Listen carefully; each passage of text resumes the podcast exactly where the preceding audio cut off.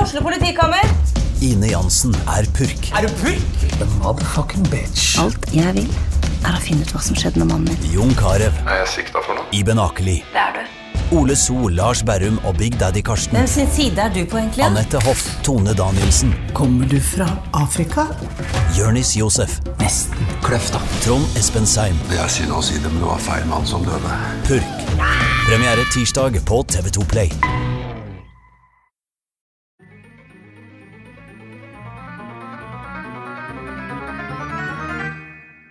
Frida, Karl og Rune. Alle er så lune. Bjørn og Lars og Nick gir deg megakick. De gir deg nyheter om spill og sang. Fra Destiny til Pokémon.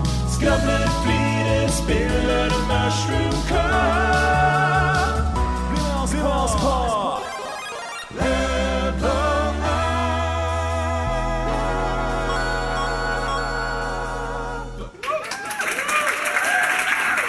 Ta ned den mappa.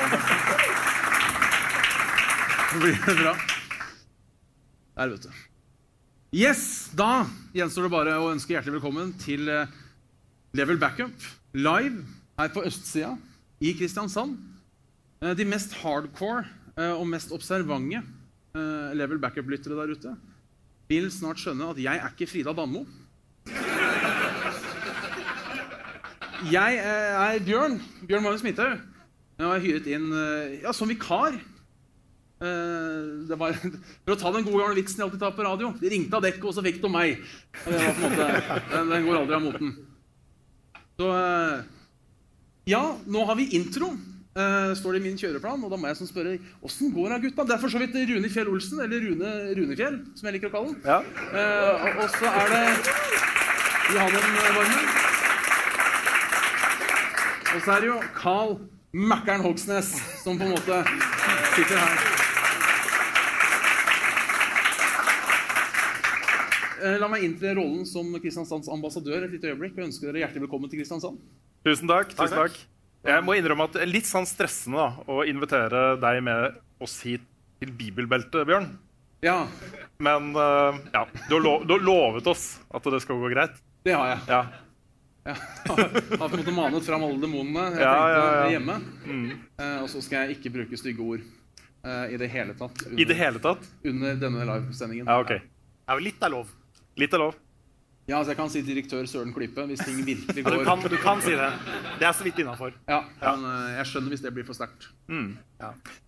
Nei, det er jo eh, alltid gøy å ha liveshow. Og eh, vil først bare takke Østsida for invitasjonen. eh, og for den eh, proffe jobben de har gjort. Vi har, vi har jo følt oss litt som sånne der band som kommer på et eller annet. Ja, det står til og med, Vi har fått sånne, sånne navnerapper, holdt på å si, Ja. hvor det står 'artist'. Mm. Og vi ble plukka opp på hotell og kjørt hit og har backstage og Det er så koselig å bli invitert til ting. Ja, det er veldig hyggelig. Eh, og det er- og så er vi litt sånn der atypiske band også, da. Når vi ble spurt om vi ville ha noe spesielt på bakrommet, så var Ikke jo stiller vi musikk og Nei, nei. Det er veldig atypisk band. Det Ja. var, det var vitsen. Jeg bare følte ikke at dere lo godt nok. så jeg Du måtte- spiller litt gitar, da. Ja, det er sant. Ja. Ja, Det var nesten du tok den med, til og med. Ja, det var nesten. Mm. Men så orker jeg ikke å dras med på toget. Og så vet jeg jo fra arrangering sjøl at hvis vi hadde sagt til lydmannen eh, fem minutter før vi skal på By the way, vi har med en gitar. Så hadde vi aldri blitt invitert tilbake. Så Ja, nei. fant vi ut at det var, det var greit. Det er sant. Men det var ikke noe crazy på eh, backstage for oss. Det var den frukten. Ja, Ja. Men vi har fått en pizza. Ja. ja. Vi sier aldri nei til pizza. Nei, vi gjør ikke det. Veldig ålreit. Ja, Karl. Hvordan synes jeg Jeg glemmer det, det, det er, eh, jeg er plutselig, Problemet eh, for Frida er jo at hun er programleder, og da blir jeg det òg.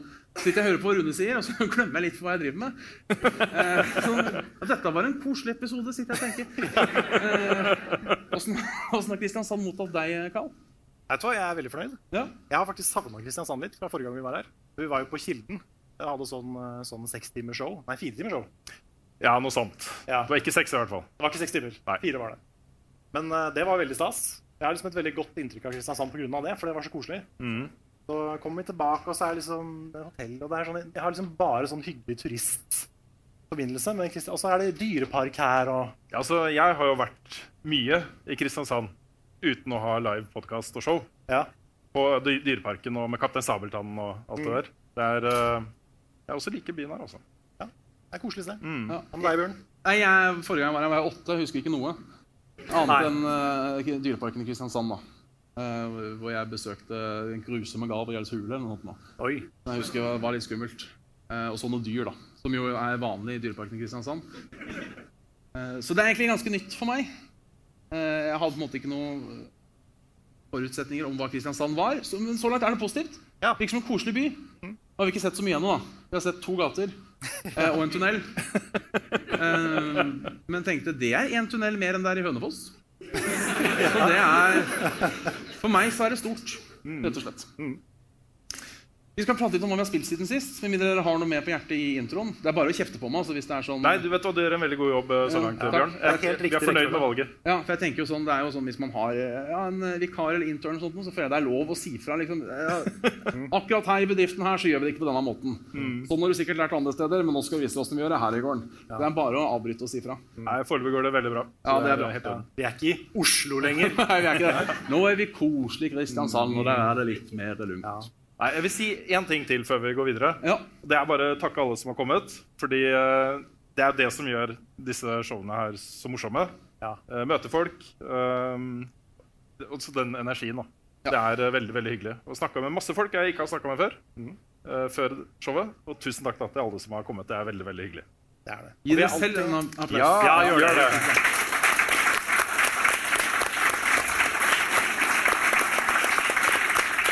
Trenger ikke så mye applaus. Nei, vi har alltid den der, litt den der frykten i oss. Ja. Ja. Tenk om ikke det kommer noen. Ja, Men så kommer det noen. det har kommet noen. Ja, det har kommet flere. Ja, Det er hyggelig. det er veldig hyggelig. Det var, det var herlig oppsummert. Det er mer enn én person. Det er ganske mange folk her. Så jeg er veldig imponert over at folk har møtt opp. Eh, Hva har du spilt siden sist, Rune? Få ta en Og så, det, det er det verste, vet du, fordi nå er det Vi tok juleferie uka før jul. Ja. Så det er ganske mange uker siden sist vi snakka om hva vi har spilt. i det Ja, siste. det er akkurat det. Man skulle jo tro da, at jeg har liksom gravd meg gjennom backloggen og spilt masse. Men jeg har egentlig bare spilt Destiny. jeg har egentlig, det er egentlig det eneste jeg har spilt. Det er to grunner til det. Det ene er at jeg ble så sjuk i jula. Sånn megasjuk. Og godt over nyttår. Eh, og da, vet du hva? Når man er sjuk, så orker man jo ikke annet enn ting man kjenner godt fra før. Litt sånn der comfort-ting. da. Man set- orker ikke å sette seg inn i masse intrikate plots og bli kjent med nye kontrollsystemer i nye spill og sånne ting. Bare ting man kjenner godt fra før. Og så, eh, etter å ha vært sjuk hele jula, så hadde jeg jo litt ferie. Og da også var det liksom digg å bare sinke ned i ikke sant? Men det jeg har gjort da i Destiny, er noe som jeg syns er veldig kult. Og som jeg ikke har gjort før i sånn type spill før. Og det er jo i Destiny to sånne tremanns dungeons, som er jo mini-raids, med bosser og skikkelig vanskelige encounters og sånne ting. Og i da Shadowkeep så kom det en dungeon som het The Pit, heter The Pit, eh, som det er en egen sånn triumph for, da, å kunne ta den solo, flawless. Hva er en triumph? Det er sånne poeng da, som er veldig, veldig viktige. Jo Ja. flere poeng du har, jo høyere status får du i spillet, ikke sant? Ja, ja. Selvtillit. Selvtillit. Nei, det er eh, det er, eh, det er det samme som eh, trophies på PlayStation eller eh, andre steder. Bortsett fra enda færre som ser det. Eh, Bortsett fra at det enda det står, Nå står det på emblemet, da, Bjørn. Ja, ja, sant. Så du kommer inn i en lobby med folk, og de kan se emblemet ditt. Så det er bare «Åh». Ja. ja, Det er ikke sånn, da. Men eh, jeg, jeg kan late som det er sånn. Men da ble det viktig for meg, så jeg tenkte det her skal jeg prøve å få til. Eh, og jeg klarte det. Jeg fuckings klarte det. Det var eh, den derre følelsen Og det siste jeg s- hadde hadde tenkt å si om det, er rett og slett at eh, man kan spille Destiny uten å være veldig dypt inne i metaen, uten å drive og fikle med eh, abilities og forskjellige typer setups og sånne ting. Eh, fint. Man kan spille alle raidene, alt endgame-innholdet kan man spille uten å være dypt inne i det der. Men for å gjøre dette så må man sette seg ned og begynne å fikle litt hva slags våpen man skal bruke, hva slags subclass man skal bruke, eh, hva slags eh, exotics osv. og mods og alt, alt dette her. da. Og det syns jeg var gøy. altså. Da ble det et puzzlespill for meg. Alle encounters ble en puzzle som jeg måtte løse ved hjelp av abilities, ved hjelp av forskjellige typer våpen. Og det var et sånt s- tilleggsmoment til et spill jeg er veldig glad i. Så Det var en utrolig kul opplevelse. Ehm, Um, ja. Ellers har jeg brukt tida til å se TV-serier. Jeg skal ikke si alt jeg har sett, Men jeg har lyst til å trekke fram eh, eh, Watchmen, som jeg fikk sett ferdig. Ja. Som ble en, en av mine favorittserier, i hvert fall for i fjor, og en av de bedre gjennom tidene også. Fordi For det første så blir den liksom bedre og bedre utover. Eh, den starter litt sånn forsiktig, og så finner de liksom selvtillit. Eh, de, de finner ut hva de skal gjøre med denne serien her etter hvert. Gradvis. Og så slutter de på en sånn perfekt måte. Minner meg litt om slutten på The Last of Us. Eh, litt sånn åpen. eh, perfekt, liksom. Du kan forestille deg hvor det skal gå, men du klarer ikke helt å se for deg hvordan det skal være på en TV-serie. Så når de nå i går gikk ut og sa at vet du hva, det blir ikke noe sesong to Han som har skapt eh, den TV-serien, han har gitt seg. Det blir ikke noe sesong to. Da ble jeg så happy.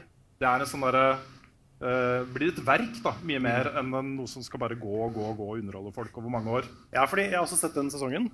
Og den treng, det er ikke alle TV-serier som trenger to Nei, sesonger. det er ikke det. Noen ganger så er det bare fint med sånn Er det ti episoder eller noe sånt? Ni? Åtte? Ja, åtte eller ni, tror jeg det var. Åtte, jeg Åtte husker eller ikke. ni. Ja. Og det er, liksom, det er en sånn fin, liten self-contained ting. Det tar deg jo ni timer, så det er ganske mye. Men, men det er på en måte Det er en start og en slutt, og det er det. Mm. Ja. Og det er så fint noen ganger. ja. Og så har jeg sett The Witcher. Ja, det er altså Ja, ja. Og Det var, jeg har jo ikke spilt The Witcher. Jeg har spilt starten på The Witcher kanskje fem ganger. Eh, men ikke kommet noe lenger enn det. da. Nei. Jeg syns også den var god. altså. Jeg er ikke like sånn woho, sånn som flere i salen var. Eh, men det var et kult univers. eh, masse kule rollefigurer. eh, og en sånn twist Jeg vet ikke om det er en twist, egentlig. Men eh, de har gjort noen sånn narrative grep som jeg ikke skjønte før jeg var godt ut halvveis i sesongen. Ja, men jeg føler det er en episode hvor det er meningen at du skal skjønne det. Ja, det er sånn kanskje, plutselig. kanskje. For det var da jeg skjønte det. Ja, ok. Når det ble obvious. ja, det kan godt tenkes. Men jeg vet ikke om det er mulig Jeg å føler skjønne meg det litt før. dum. Jo, jeg tror det er mulig å skjønne det før. Ja. Ja. Er, det, er det noen som skjønte det før episode fire? Bare sånn håndsopprekning? det er noen Ja. hender her altså. også. Var det fordi dere hadde lest boka? Ja. ok, ja. Da selges det ikke. All right. All right. Mm. Ja, nei, det tok litt eh, tid før jeg liksom skjønte at, eh, at eh, Siri var den Siri som jeg har sett fra Witcher tidligere. da. Som sånn skikkelig skikkelig badass. Ja, Ja. At det er den samme Siri. At det er samme Siri. Ja. Ikke den som er i iPhonen, men Ja, den- ikke sant? Eh, så, nei, men den likte jeg. Og jeg glemte å se mer, og så hater jeg Toss a coin to the Witcher. Hater du den? Ja, Den er jo så catchy. ja men den er for catchy.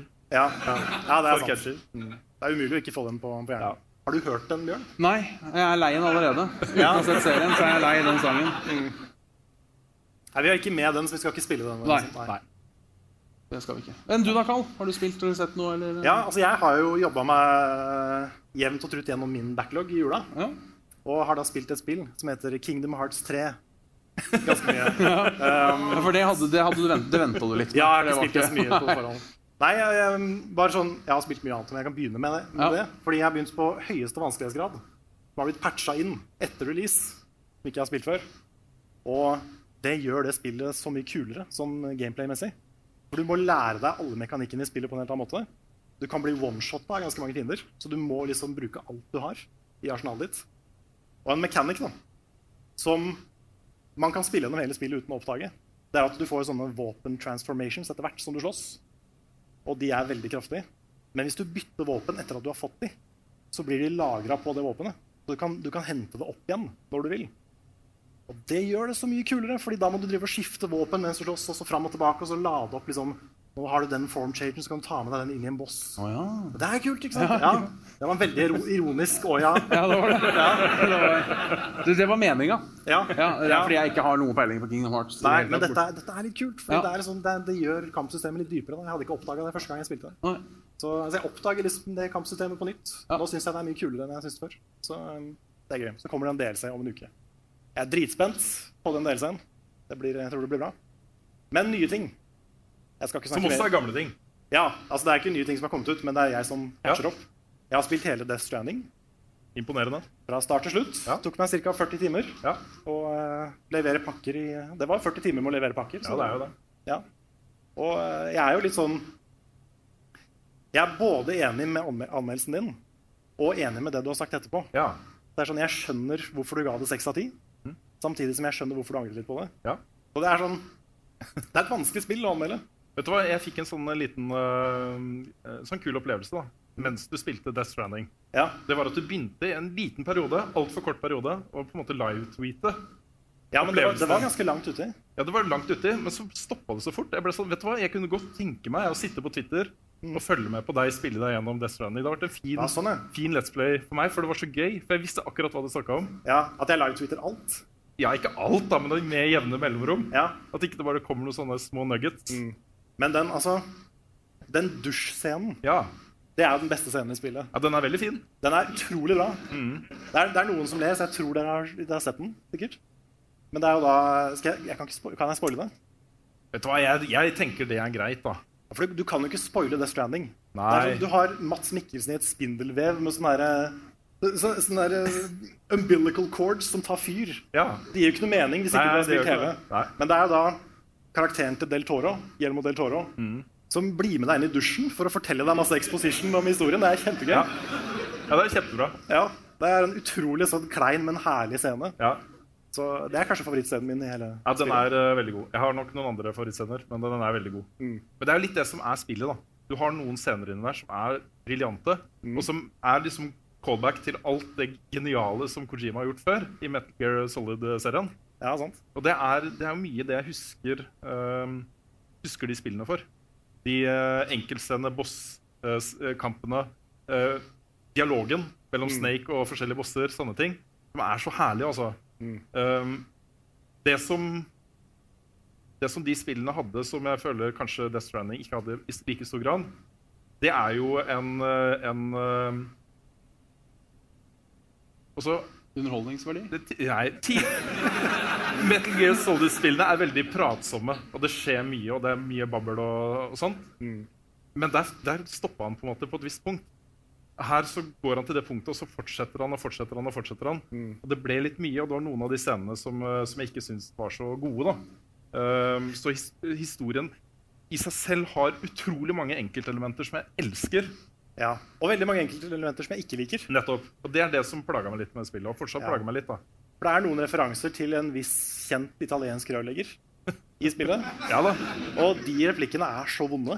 Ja, men også litt morsomme. Syns du det? Ja. For jeg syns de bare var vonde.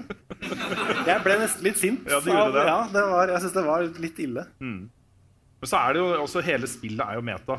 Og en av de tingene som plaga meg litt, var jo at øh, øh, han, har jo, han har jo bare han, også hyra inn vennene sine, regissørvennene sine og, og sånn, til å ha disse rollene her. Det føltes veldig påtatt. Men det er jo også sjukt genialt, da. Ja, for jeg, den delen For liker det jeg. handler jo om vennskap. Ja, for det er vennene til Kojima. Mm. Det er vennene til Kojima. Og det er briljant, men de passer ikke helt i rollene sine allikevel. Nei. Og så har han litt for mye ærbødighet overfor ma- flere av disse eh, ekte personene. da. Mm. Men det er, det er noe med at jeg kjente meg litt igjen i det. Ja. Fordi no scope, det er bare jeg som har med alle mine venner. Ja da. Du er vår Kojima. Ja. ja. Ja. det- ja. Det var kanskje det Jeg skal ikke, jeg skal ikke skryte men, eh, på meg det. Men, men det, det er liksom det å ta med alle man liker, og så lage noe kult. Ja. Det er, det, jeg ser den. Jeg skjønner den.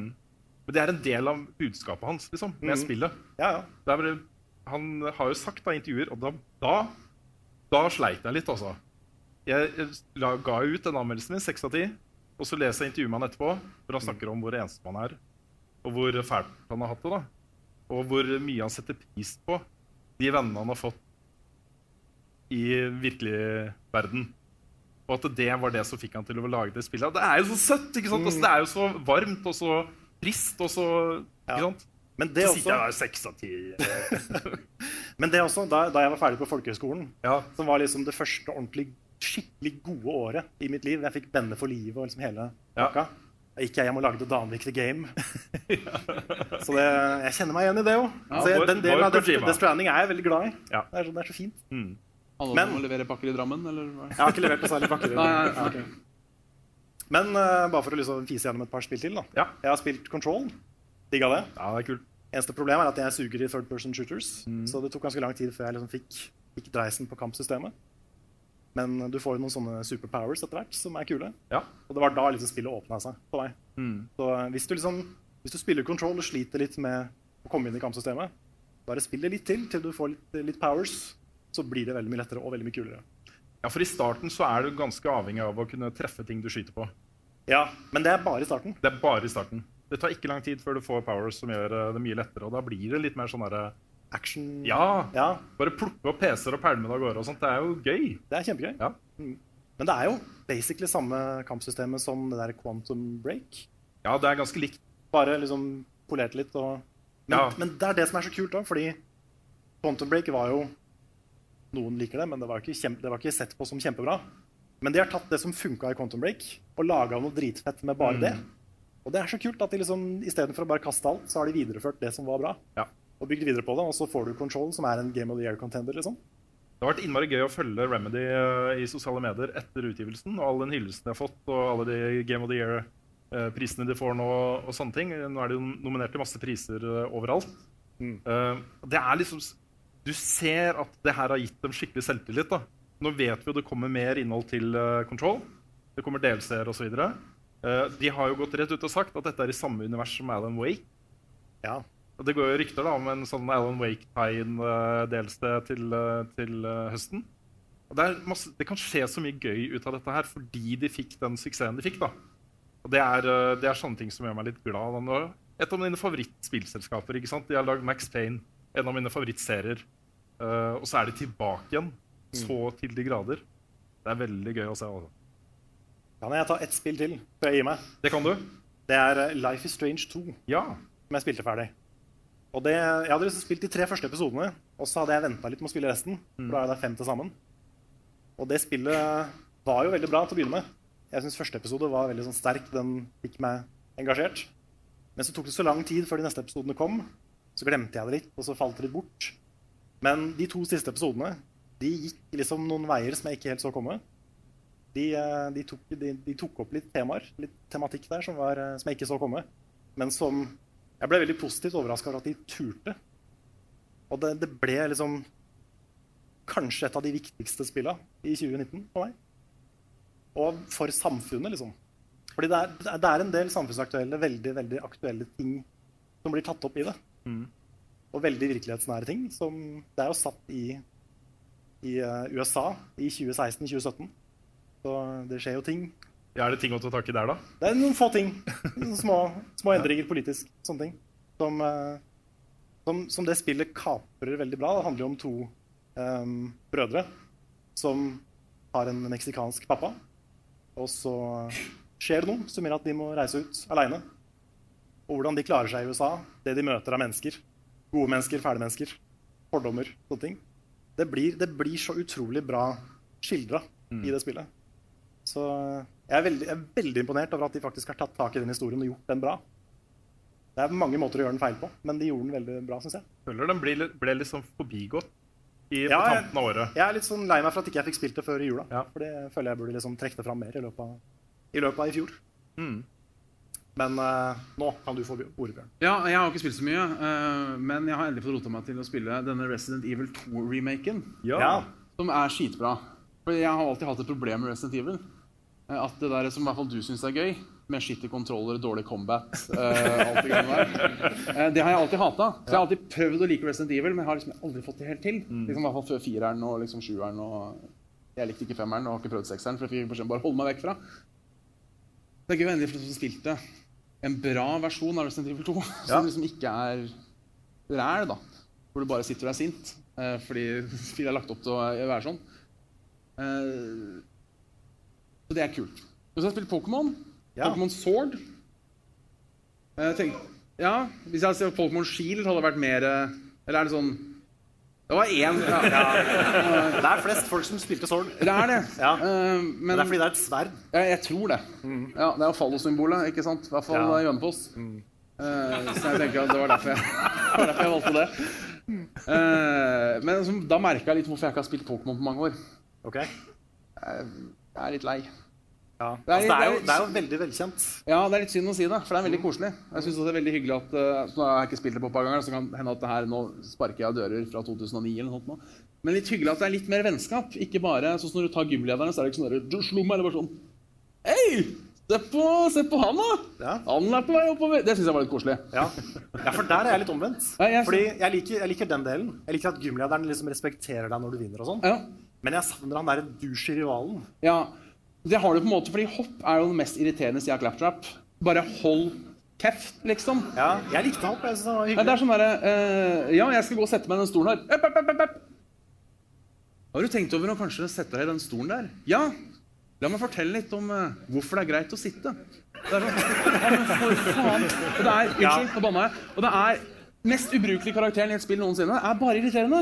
Ja, han, er, litt- han har litt den der fi-greia fra Skyward Sword, at han prater veldig mye Ja, om ting du vet fra før. Det er litt som når du var liten, og mamma kom inn på rommet ditt hele tida. Og legge inn klær eller si 'nå er det middag'. Mm. Nei! Jeg vil spille- jeg vil spille spillet, liksom. Ja. Og det, er, eh, og det har faktisk hindra ganske mye i å komme Mm. eh, progressere langt i det spillet. Ja, det blir mindre dialog etter hvert. Også. Ja, jeg har fått med meg Mm. det. Eh, Men eh, nei, jeg ser den. Ja, så jeg det er tenker- ganske wordy i starten. Jeg har tenkt å spare det utover, for jeg tenker det er sånn spill du kan legge fra deg en måned, Mm. og så kan du fortsette å ta en gym. Det er ikke akkurat som om du glemmer storyen, på en måte. Nei, sant. Eh, Den har vi, Den er den, ikke så, den er ikke så dyp. den har vi spilt før. for å si Det sånn. Det er litt som Olsenbanden. Ja, spoiler alert, du skal vinne Pokémon-ligaen. Ja. Så, eh, så det er det jeg har spilt, da. Bortsett fra at jeg selvfølgelig også har spilt Heroes of the Storm fortsatt. Og begynte på Guild Wars 2, endelig. Det kom ut i 2012, så det var på tide at jeg på en måte fikk Ja. prøvd det. Men hva er det som gjør at du spiller Guild Wars 2? Det er det at jeg har, lyst til, å- jeg har alltid hatt lyst til å spille MMO-er. For Det er så gøy når jeg hører om folk som raider, som hører om folk som har det gøy og sånn. Men så er det problemet med MMO-er at de er så jævlig kjedelige. Og nå har jeg, I høst så har jeg spilt litt WoW Classic, eh, og det går altfor tregt. Å, gode gud.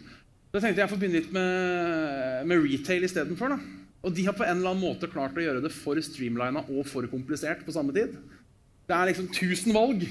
Men du skal det, det blir, jeg blir- jeg blir satt ut, liksom. Det, er- det, er jo, det sier seg sjøl når du plutselig har 15 år med content. Bare rett i trynet, sett deg inn, vær så god. Det blir litt som å velge utdannelse, på en måte. Altså, du må Ja. ha utrolig mange valg. Ja, eh, Så da, da droppa jeg det. Eh, så tenkte jeg jeg har lyst til å spille et MMO. Så sa jeg det til en kamerat. Han var litt enig. Skal vi prøve Guild Wars, da? Ja. Du, har- du har ikke lyst til å bli med meg i Final Fantasy 14? da? Jo, for han også, da samme kamerat, uh, shout-out til Christer hvis du hører på, eh, har jo også prøvd å få meg med på det toget. Å, ja. Så det kan hende. ja. Men det koster penger. Ja, det er Mm. Guild Wars er subscription. gratis.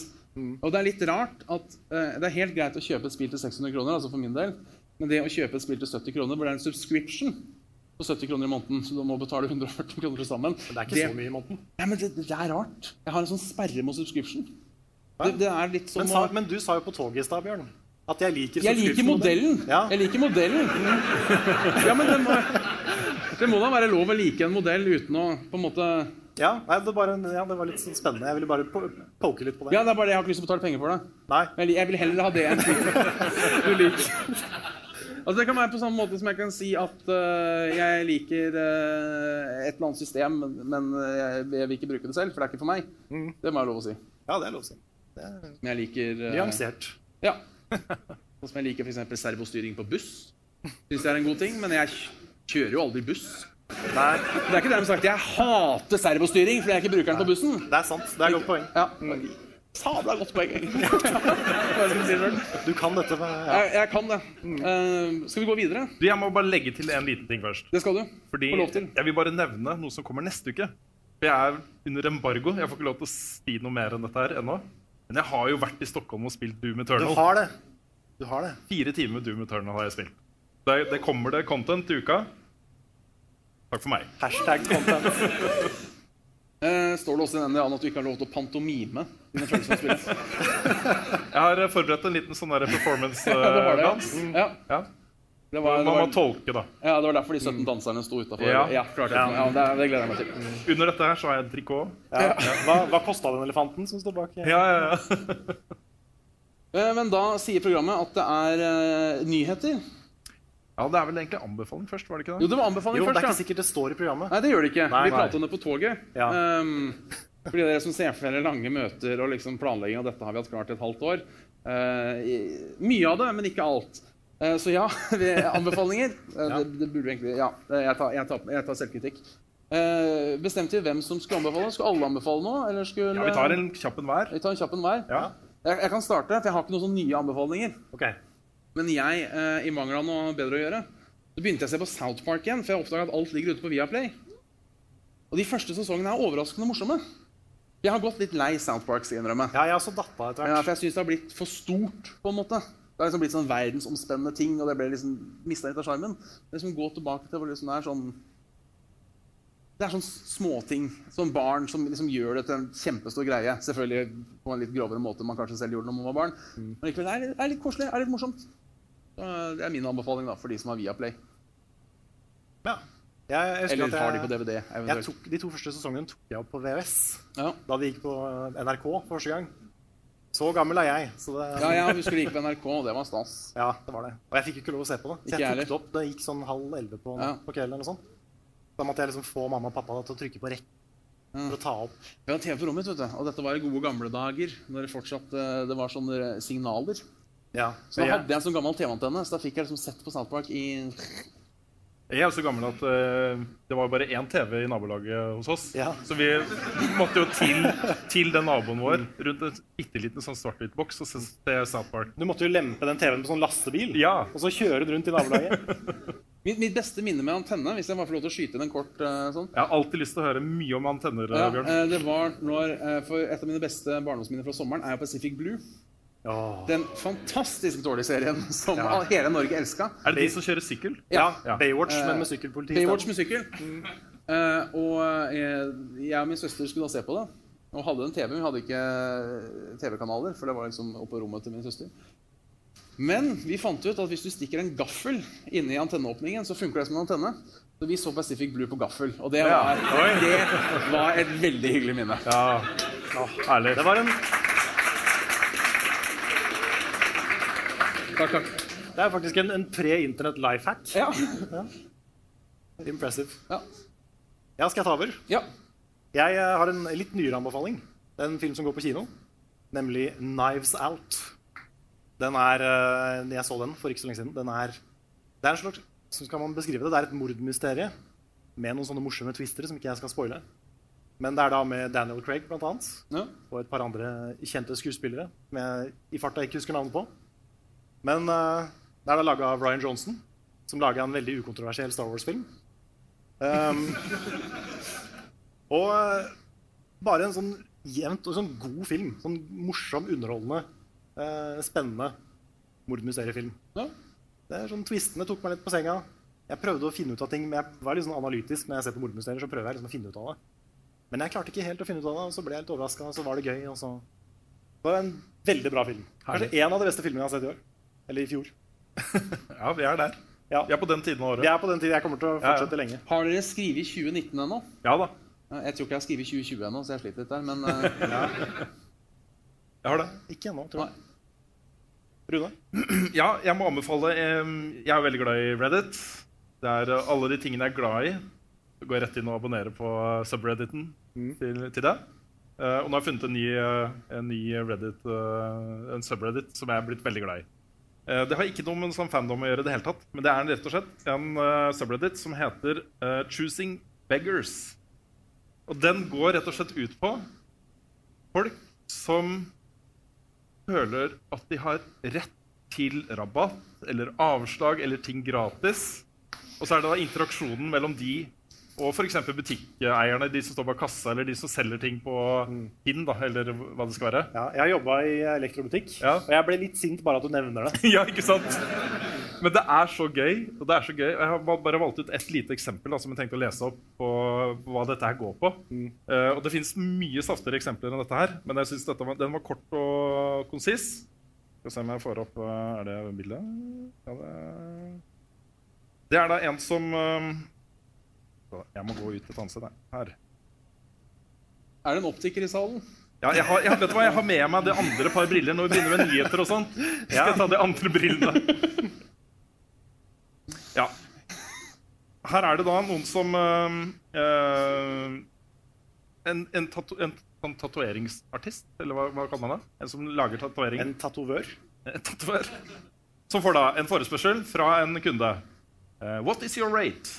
Så skriver den tilbake, da. eh, 220 do- dollars per hour, but I pretty much charge by the piece. What you have in mind? I want to get something on my leg covered up, but that's out of my price range. Okay, well, Ink Monkey, Big City, and Idle Hands are local shops with great artists if you want to shop around. I'm out of the States at the moment. Uh, anyway, so there would be a wait. Og så svarer da kunden, potensielle kunden Can't you cut me a deal? I'm a single mom. Lol. og så svarer da han eh, tatoøren Ja. I don't give a fuck if you run an orphanage, to be honest. Det er sånne ting man har lyst til å si. Ikke sant? Ja. Så, men det er et eksempel da på hva man finner der inne, og jeg synes det er, jeg koser meg inne hver dag.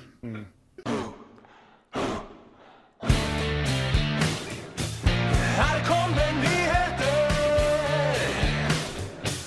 med Rune Flevoldsen. Og han har ikke hår. Her kommer nyheter.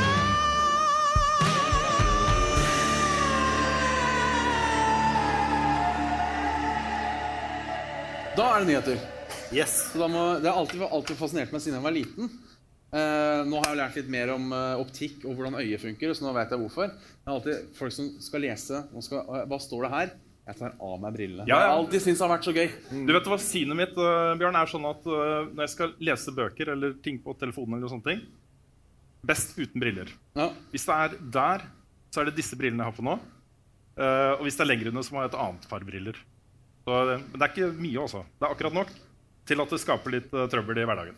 Så synet ditt har sånn her field of view-slider. på en måte. Ja, på en måte. Så jeg har til og med skrevet uh, nyhetssakene veldig stort på telefonen. Det er bra. Gamle mannen. Konseptet er da at vi skal komme med noen headlines eh, på ting vi enten tror kommer til å skje i 2020, eller eh, tenker det hadde vært litt morsomt hvis det skjedde i 2020. Ja. I noen tilfeller kanskje ting vi ikke tror kommer til å skje i 2020, i det hele tatt, men som vi bare syns er gøy. ja. Ja. Og det, det vi tenkte, var at vi kunne få litt sånn publikum participation her. Yes. Så gjerne lag en lyd hvis dere tror at det kommer til å skje. Hvis Ja. dere er enig. Hvis dere er enig. Ja. eller hvis dere Positiv lyd. liker nyheten. ja. Ja. Positiv lyd. Jeg er En positiv. pos positiv lyd, ja. Mm. Da går det også an til å lage en negativ lyd hvis dere er strengt uenig. Det kommer til å bli vanskelig å høre. Ja, Det var grøt av lyd. ja, men, Sånn, ja. Dårlig idé. Stryker den fra protokollen. Stryker den. Ja. Og så er jo jeg en journalist, så noen av disse sakene er jo basert på current events. Så det er eh, kanskje gli litt over i ting som faktisk skjer. Første nye sak. Cyberpunk 2020 er utsatt til februar 2021. Ja. Februar 2021. Så det vil si, du tror det blir utsatt igjen? Jeg tror det blir utsatt igjen. Gjør du det? Ja, det kan Ja. fort skje. Altså, det kommer jo en del rapporter nå om at eh, den femmånedersutsettelsen Ja. som nå har vært til september, den fører til at de må jobbe overtid alle sammen Ja. i fem måneder eller seks måneder. Og det er ikke noe, kos det er ikke noe gøy, det. Nei, det er ikke noe gøy. Så jeg håper jo på en måte du har rett. det ligger litt press på utviklere rundt omkring nå til å tilby litt mer humane arbeidsforhold eh, på arbeidsplassen. Um, jeg så bl.a. en spillutvikler, en indieutvikler som heter Mike Bittel, var ute med et forslag som var ment useriøst, men som ble plukka opp veldig fort. Hvor han eh, skrev det at spill burde ha en sånn der sticker på seg, eller eh, nå er det jo digitalt mye av dette, her, da, men en slags emblem da, eh, som eh, forsikrer om at alle de ansatte har hatt en pi- positiv opplevelse med å lage dette spillet. Ja, Dette har blitt laget av frittgående programmerere. Ja, ikke sant? Så um, Så det er en slags bevegelse, føler jeg, da, som kan, kan bli større etter hvert. Men folk flest bryr seg jo ikke. De tenker bare 'fett, jeg vil spille Cyberpunk 20'. Ja, altså, du, du 77, kan jo liksom. si det, men jeg, jeg tror hvis folk blir gjort oppmerksom på det, tror du ikke flere kommer til å bry seg da? Hvis det, blir litt, altså, det har jo vært litt i media i det siste. Mm. Ja. Men hvis liksom, folk har et favorittspill, og får høre at liksom, halvparten av teamet holdt på å dø når de lagde det, Mm. det er ikke noe koselig det. Ja, jeg er ikke sikker, fordi Er det din første iPhone, Carl? Rune? Nei. Det er jo ikke det. Nei, men hadde det vært, altså, hadde jeg fått, fått litt i fleisen da, at liksom folk blødde for å lage den iPhonen. Ja, Ja, men de gjør jo det, da, du har jo Karl. fått det. Ja, men Og klærne Jeg må jo- jeg må jo går med, minnes- og jeg må jo maten vi minnes på det. spiser, og ja, altså, alt er eh, fucka. Ja. Ja. Jeg vet det. Men, men sett fokus på det, så kanskje... Ja, jeg er fullstendig enig. Mm. Det er vel kanskje eh, på en arbeidsmiljølov i andre steder enn Norge Ja, er det også det- positivt eh, kunne vært en ting. Ja, kommer man langt med. Ja. Jeg ser nå også at jeg kom til skade for å kalle det Cyberpunk 2020. jeg tar den korreksjonen med en gang. Så neste nye sak er jo også om samme spill. Og det er da Cyberpunk 2077 kritiseres og hylles for Nå tror jeg kanskje noen må holde seg for ørene. Ok. Sadomasochistisk gangbang med transseksuelle kortvokste. Ja. Altså, man vet aldri. Nei, også poenget, poenget der er jo at de har jo gått ut og sagt at de har, eh, de har motion capture sexsekvenser i spillet. Eh, Du skal ha full frihet i denne verden her til å gjøre hva du vil. Ja. Vet du hva, jeg håper litt Altså ikke akkurat dette, da. Det er ikke, ikke, sant? Det er ikke basert på noe, bare så det er sagt. Noen private interesser eller noe sånt. Men jeg håper jo det går litt også At det blir litt sånn skittent voksent, hvis du skjønner hva jeg mener. Det hadde vært litt kult, da. Ja. Men jeg er veldig den delen med at Fordi du kan jo lage forskjellige characters. Du kan være forskjellige kjønn, forskjellig alt mulig. Og det at du kan, liksom, du kan ha sex uansett hvilken karakter du lager, det, det, det blir jo på en måte litt sånn uansett. Ja. Og det er jo bra. Men jeg bare ser for meg reaksjonene. Hvis dette er gjort, Ja, ja. liksom du, du har kjønnsorganer i bevegelse, som det heter på norsk. Det er Sensurspråk. fantastisk definisjon. Ja, det er veldig, Ja. veldig fint. Men hvis de går så langt, da, så kommer det til å skape ganske mye reaksjoner. Hvis du, hvis du har en litt sånn, sånn penisfigur og plasserer den på et skateboard, er det da kjønnsorganet i bevegelse? Yes. Ja. Nei, så eh, Det hadde vært en interessant debatt, og jeg tror kanskje også en god og sunn debatt for spillmediet. Ja, for det fordi- er ingen som tør å røre de tingene her. Nei, det er sant. Og fordi jeg husker jo Mass Effect da det kom. Da var det jo masse oppslag og debatter. Det sto På Fox News så sto det sånn 'sexbox'. Fordi du kunne ha sex i, i Mass Effect. Og eh, det var jo kjempebra. Det er bra at spill beveger seg inn på de temaene. Ikke at liksom Mass Effect-teksten er det beste eksempelet av hvordan du kan gjøre det. For Nei, det, ja. det er jo liksom å si de riktige tinga, og så får du noe. Ja. På en måte. Så, Ja. Men, men det er liksom, det er jo bra at det skjer. Så mer, mer av det. Yes. Og så en uh, ny sak som er litt kjedelig, kanskje. Mm. PlayStation 5 lanseres i oktober. Legger til en ekstra terraflop i siste liten. Mm. Det er bare sånn Ja. Ja. Mm. Smyger inn en ekstra. altså. Smiger inn ekstra. Ja. Bare, ok. Hvis du kjøper noe, så får du en ekstra terraflop. Ja. Jeg tror de kommer til å spare det til PlayStation 5 Pro. Ja. Det er da de kjører på med ekstra teraflop. Ja, så det har de kanskje. hjemme. Da får du sånn jumboflop. Ja. Nei, men saken er jo med fordi dette vil jo prege nyhetsåret 2020. Eh, to nye konsoller blir lansert. Kanskje en tredje med en eh, Switch Pro, hvis det blir noe av. Eh, og det er jo spennende å følge spillmedia i sanne år, for det skjer, det skjer så mye nytt. Så, og så vil jeg også minne folk da på at det er ikke alltid nye konsoller lanseres med killer-spill. Fordi da er ikke install base så stor, ikke sant? Så de sparer mye av det beste og største kruttet eh, til seinere, til flere har kjøpt konsollen. Det eneste som slipper unna med det, er jo sånne spill som bare fortsetter å selge og selge og selge evig, liksom. Til konsollen er død. Og så har jeg en sak som jeg er litt usikker på om jeg burde hatt med. The Last of Us Part 2 dropper alle kvinnelige rollefigurer fordi de er så vanskelig å lage. Ja. Ellie er nå Ellis, en 32 år gammel gruff, men sjarmerende mann med tredagersskjegg. Dette er jo en referanse til Ja, inspirasjonen er jo eh, Det er, det er jo flere spill, men nå i- nylig eh, Escape from Tarco, som eh, gikk ut og sa at de ikke vil lage kvinnelige rollefigurer i spillet sitt. eh, fordi det er for mye å animere og Ja. for vanskelig å lage. og- Altså, da, det, det jeg liker at liksom noen i publikum sier pff, for jeg er helt enig. Kan dere ikke bare liksom Hvis konsekvensen er at det ikke er damer i det hele tatt, Mm. hvorfor isteden ikke bare bruke de samme animasjonene? Altså, Det kan hende noe av det ser litt rart ut, jeg vet ikke. Men man beveger seg ikke så forskjellig. At det, bare bruk manneanimasjonene på Mm. damene. Det er ikke verre enn det. Hvis ikke du klarer å lage nye animasjoner. Burde være mulig. Det burde være mulig. Burde være mulig. Da blir det jo ikke realistisk, da. Altså, hvor mange hår... Og det må jeg si, jeg prøvde, for det var sånn der free to, ikke free to play, men free weekend på et eller annet sånn der World War II-simulator eh, for et par helger siden på Steam. Det liksom skulle være ekte krig. Det er faen meg det kjedeligste jeg har spilt i hele mitt liv. Du gikk sakte. Du måtte liksom reloade hvert skudd. Du hadde ikke noe HUD, ikke noe noe. Ja, Det var realisme, det. Det var like kjedelig som livet, på en måte. Så eh, jeg bare føler at alle de argumentene Ja. Det er ferdig med det spillet.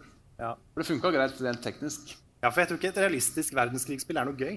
Nei, det var ikke det. Nei. Og ikke hadde sånn lame tags heller. Og det var umulig å finne folk. Så jeg, jeg, jeg drepte tre av mine egne teammates. Og det morsomme, og det morsomme var at siden det var realistisk og ikke noe HUD, ingen fant ut at det var jeg som skjøt. Så ja, det var Ja. Sånn var det. Men det var realistisk. Da. Det var jævla fett pga. det. Men jeg Ja, ja. Det er det viktigste med skytespill, at det er realistisk. har lyst til å sende meg vann, Rune. Jeg har lenge tenkt på hvordan jeg skal klare å ta vann uten å avbryte hele greiene. Ja. Så jeg tenkte jeg bare lage et nummer ut av det. Jeg kan eh, komme med siste nyhetssak mens jeg, mens jeg gjør dette. Ja, La- han hadde giddet å skjenke til meg om det Ja, står. for å la det bare synke litt inn. Og her står det da Det er både trist og litt spennende. Ok. Half-Life 3 avdukes. Oi. Den, eh, den, det er ønsketenking. Ja, Men Skal vi tenke litt mer på den? ja, La er det det, er det synke til litt inn. året? Hva sa du? Det er, det er skummelt å si det òg, fordi liksom Tenk, tenk om du gir folk håp. er Jeg tenkte- også- Grunnen til at jeg hadde med den saken, er jo selvfølgelig at eh, nå kommer jo Half-Life Alyx, et VR-spill. Eh, og eh, spekulasjonen, eller ønsketenkningen altså, vet du, hva, det, Jeg, jeg syns dette er litt trist, fordi gudene vet hvor mange år jeg gikk og gleda meg til eh, Half-Life 2 episode, episode 3 og eventuelt Half-Life 3. Begge deler satt du og jobba på. Eh, og så innså jeg til slutt at vet du hva, dette er, dette er over. Eh, Jeg må gå videre i livet mitt. Jeg kan ikke gå og vente på dette her lenger. Og så kommer de liksom med noe nytt Half-Life sånn plutselig. Eh, Og tanken da- da er at kanskje de blir inspirert til å fortsette. Kanskje det blir så bra, og de har det så gøy med det at de fortsetter med det. Så det er liksom utgangspunktet til at den sto der. Og det kan skje, og jeg tror at hvis det skjer, så blir det bare stealth-droppa en dag. Ja, men Ja, for men det- da er, jeg da er vel ikke det håper- i år, tror du? det? På PC, Kanskje- gaming, på PC Gaming Show så kommer Gabe Newell ut, og Ja. så sier han bare «Ja, på Streams on Steam. Og det er liksom det. Det hadde vært så kult. Ja, det hadde vært kjempekult. Altså, jeg, jeg ser for meg liksom at det, det kommer et tau ned fra taket, og han trekker i tauet, og så Half-Life 3 er ute. Ja. Jeg bare ser meg ingen entusiasme i det hele tatt. Bare klassisk Gaben. Half-Life 3 is out. Og Det er liksom Det hadde vært kult. Det hadde jo vært det ultimate øyeblikket fra, fra spill, Ja. rett og slett. Det var eh, mine eh, presise og nøye researcha nyhetspunkter for eh, 2020. Ja, så hvis noen har zooma ut, eh, so- sona ut, ikke zooma ut, Nei. men hvis noen har sona ut mens de har hørt på nå, så dette er ikke ekte nyheter. Dette er ting vi tror eller håper skjer. i Eller, eh, 2020. ja, eller bare syns det var gøy å si høyt. Ja. Ja. ja. Da har jeg, jeg har formulert da mine også som eh, overskrifter. Mm. Så min, eh, min første prediction er Tracer og Geralt og Rivia til Smash. Det er da ikke de jeg ønsker meg mest. Nei. Det er liksom Sora og, og sånn. Men, eh, men det er kanskje de jeg tror mest på. Det er ikke dårlig altså. Mm. gjetta. Overwatch og The Witcher har kommet til Switch. Så det er liksom naturlig, er det ikke det? Jo. Men det var jo altså etter den siste, siste pressekonferansen, hvor de avduka nok en karakter fra Fire Emblem. Fire Emblem Ja, og første Cuphead. Fire Emblem-karakteren i Smash. Ja. det var noe som beskrev nå Smash som en, eh, som en eh, Hva er det? At det var canon med Fire Emblem? Ja, en Fire Emblem spin-off. Ja, etter at han satt det. Men det er jo snart like mange Fire Emblem characters som det er Mario characters. Så det er Ja. jo, ja. så, så, så tenker jeg at alt kan skje. Da. Mm. Det er ikke sikkert sånne trygge, eh, godt researcha For det her er bra. Bra, Karl. Det var bra tenkt. Jo, takk. Det er ikke sikkert at eh, de følger den. Nei, det, tenker jeg da. nei, det kan hende Når at det det er mye kommer mer Cuphead og... Ja, fordi etter Banjo Kazooie så tenker jeg sånn Jeg tror ikke de kommer til å gå for Master Chief, men tenk om. Ja da. Det kunne skjedd. Mm. Hvis det kommer hvis det, det har jo gått rykter om liksom Xbox, eh, Xcloud og sånn til Switch. Ja. Hvis det skjer, da kommer Master Chief. Det er å Tenk om de nå aldri lager flere Smash-spill. da. At de bare, bare pøser på med nye karakterer Ja, men sånn- i ti år. Sånn helt seriøst, jeg håper at de tar en pause nå. Ja. Fordi Smash Bros. Ultimate La det være Ultimate en stund. Mm. Liksom. At det er det ultimate Smash-spillet. Så Går det noen år, så kan du puste litt. og Så kan Ja, du for begynne hva å glede skal oss de til kalle nytt neste? Smash. Ja, det er det. Det er som når Zalo er sånn der enda kraftigere. Ja, faen, hva er gærent med den forrige? Ja. Den som var så bra. Var ikke den kraftig, da? Ja, Mm. og nå er det Ultimate. Ultimatere. Det går ikke, liksom. Det- Smash Bros. Ultimate 2. Jeg glemte å tusen Smash nevne i til stad Ultimate. at jeg har jo spilt Smash i jula også. Ja, Med med, sømmen. med, med Sam. Ja. Det, jeg liker det fortsatt ikke, Mm. Gjør du ikke? men det er gøy, da. å spille Ja. med han. Ja, for jeg har fortsatt lyst til å liksom trene deg opp i en sånn Ja, da. montasje. Jeg må, hvis jeg blir litt flinkere, så liker jeg det sikkert. litt Ja, jeg tror det. Og så neste overskrift. Fansen raser. Final Fantasy 7 Remake var ikke hele spillet. Og, og grunnen, til at, grunnen til at det er en overskrift, det er fordi vi vet jo at ikke det er hele spillet. Men de har ikke vært så flinke Nei, de til, har ikke å, det. til å liksom putte det på, på coveret. At dette er bare part one. Ja. Så jeg ser for meg at ganske mange fans kommer til å kjøpe det og tro de får hele Final Fantasy 7. Mm. Og så klikker de når de skjønner at ikke det er hele spillet. Ja. Så det, det tror jeg. ja, Det blir en det tror jeg overskrift. faktisk. Ja. Det er den jeg har mest trua på så langt. Det er min prediction 2020. Og så, neste overskrift, Google Stadia, et tilbakeblikk. Sånn postmortem Ja, Mm. eh, ja. rett og slett. Jeg tror Google Stadia har nådd toppen allerede. ja, Tror du det også? Jeg tror det. Ja, det er veldig hards. eh, Det er veldig harsh, jeg vet det. Det kan, det kan fortsatt få et comeback. Ja.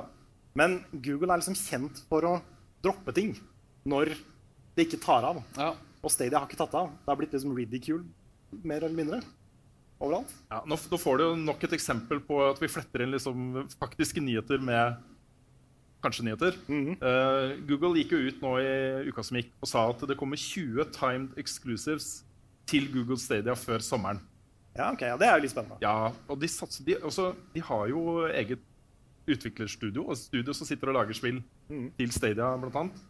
Det, jeg vet ikke, altså. De, de har jo en track record som ikke er så god, da.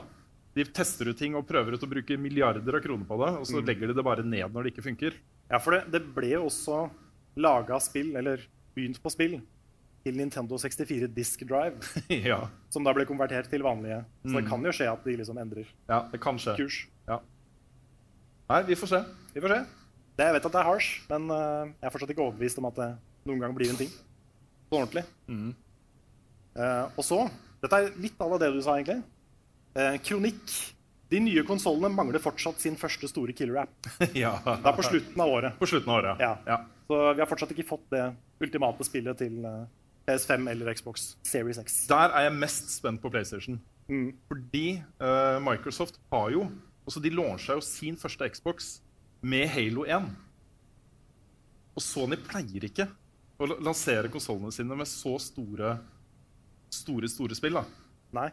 Jeg er veldig spent på hva Sony gjør der, for vi vet jo at Halo Infinite kommer med Xbox, eh, Xbox Series X. Mm. Series X. Der har også Microsoft gått ut og sagt at Xbox heter nå bare Xbox. Og så vil Ja. det være- altså det undertittelen ikke tenk så mye på den, den heter bare Xbox. Ja. Ja. Så Det det, blir- var det forklaringen blir for deres. da. komplisert. Ja, det blir for komplisert. Ja. Og så har vi eh, mer bråk med Kina.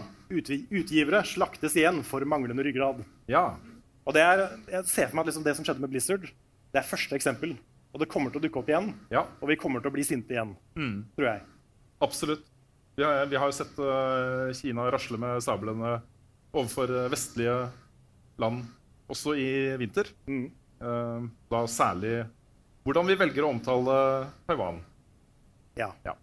Så, Og liksom det, du, du ser det i Marvel-filmer, du ser det overalt. ja, Kina har mye makt, og det er ikke så kult. det er helt riktig. Og så avslutter jeg med en veldig optimistisk, en litt sånn hyggelig, eh, som jeg håper litt på. Jeg vet ikke hvor mye jeg tror på det, men jeg håper. Overskriften er Fallout 76 er bedre nå.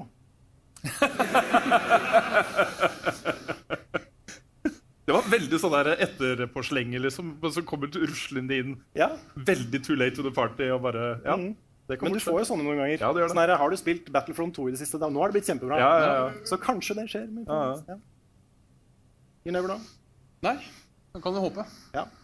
Da er det din tur. Ja, jeg har noen predictions, jeg òg. Jeg har jo ikke verken analysert eller eh, basert meg på gamle nyheter, mer eller mindre. Eh, Min første er litt inne på det du var. Eh, Og nå er det Windows ja, 8. vi, vi, jeg kan eh, ta Nice. Jeg kan ta og eh, eh, Another Time. Sånn. Eh, det ene er Final Fantasy for ny release til PlayStation 5 i 2023. At det blir, det blir på en måte tingen. Um, 23, ja. og det har jeg troa på. Ja, tenker du da Final Fantasy 16? Nei, Final Fantasy 7. Å ja. Ja, at de bare skroter alt på nytt. Ok, Det så her var bare vi begynner en på nytt tech-demo nå? for å vise hva vi kunne gjøre. Ja. Kanskje, sier de. Og så Mm. kommer det i 2027. 2023. Eller 24. Altså, alt. Dere får det ikke likevel, rett og slett. Rett og slett. Eh, Jeg tror også det kommer fram Ah, En dårlig vits, altså.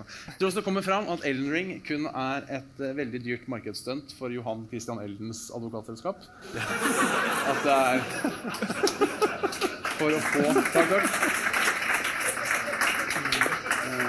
Ring Elden, liksom. Ja, rett og slett. Ja, Det er bare du starter spillet, og så kommer telefonnummeret. Ja. Eh, Så det er jo det er jo dristig som Ja. advokat å gjøre sånt noe. Eh, Min siste prediction er at det ikke kommer to nye konsoller i år. Eh, For det er også dyrt å lage konsoller. De taper, mer, altså de taper jo per konsoll de selger. Eh, Samtidig som det har vært sånn Kan vi ikke ha crossplay og kan vi eh, ikke ha alt sånt? Så min spådom er at konsollen som kommer i oktober-november, er en playbox. At nå er de lei av å krangle. Nå Ja. lager de en felles konsoll for å spare penger. Ja. Det var en god søknad til en hvilken som helst spillerredaksjon. eh, Det der, eh, Bjørn. Ja.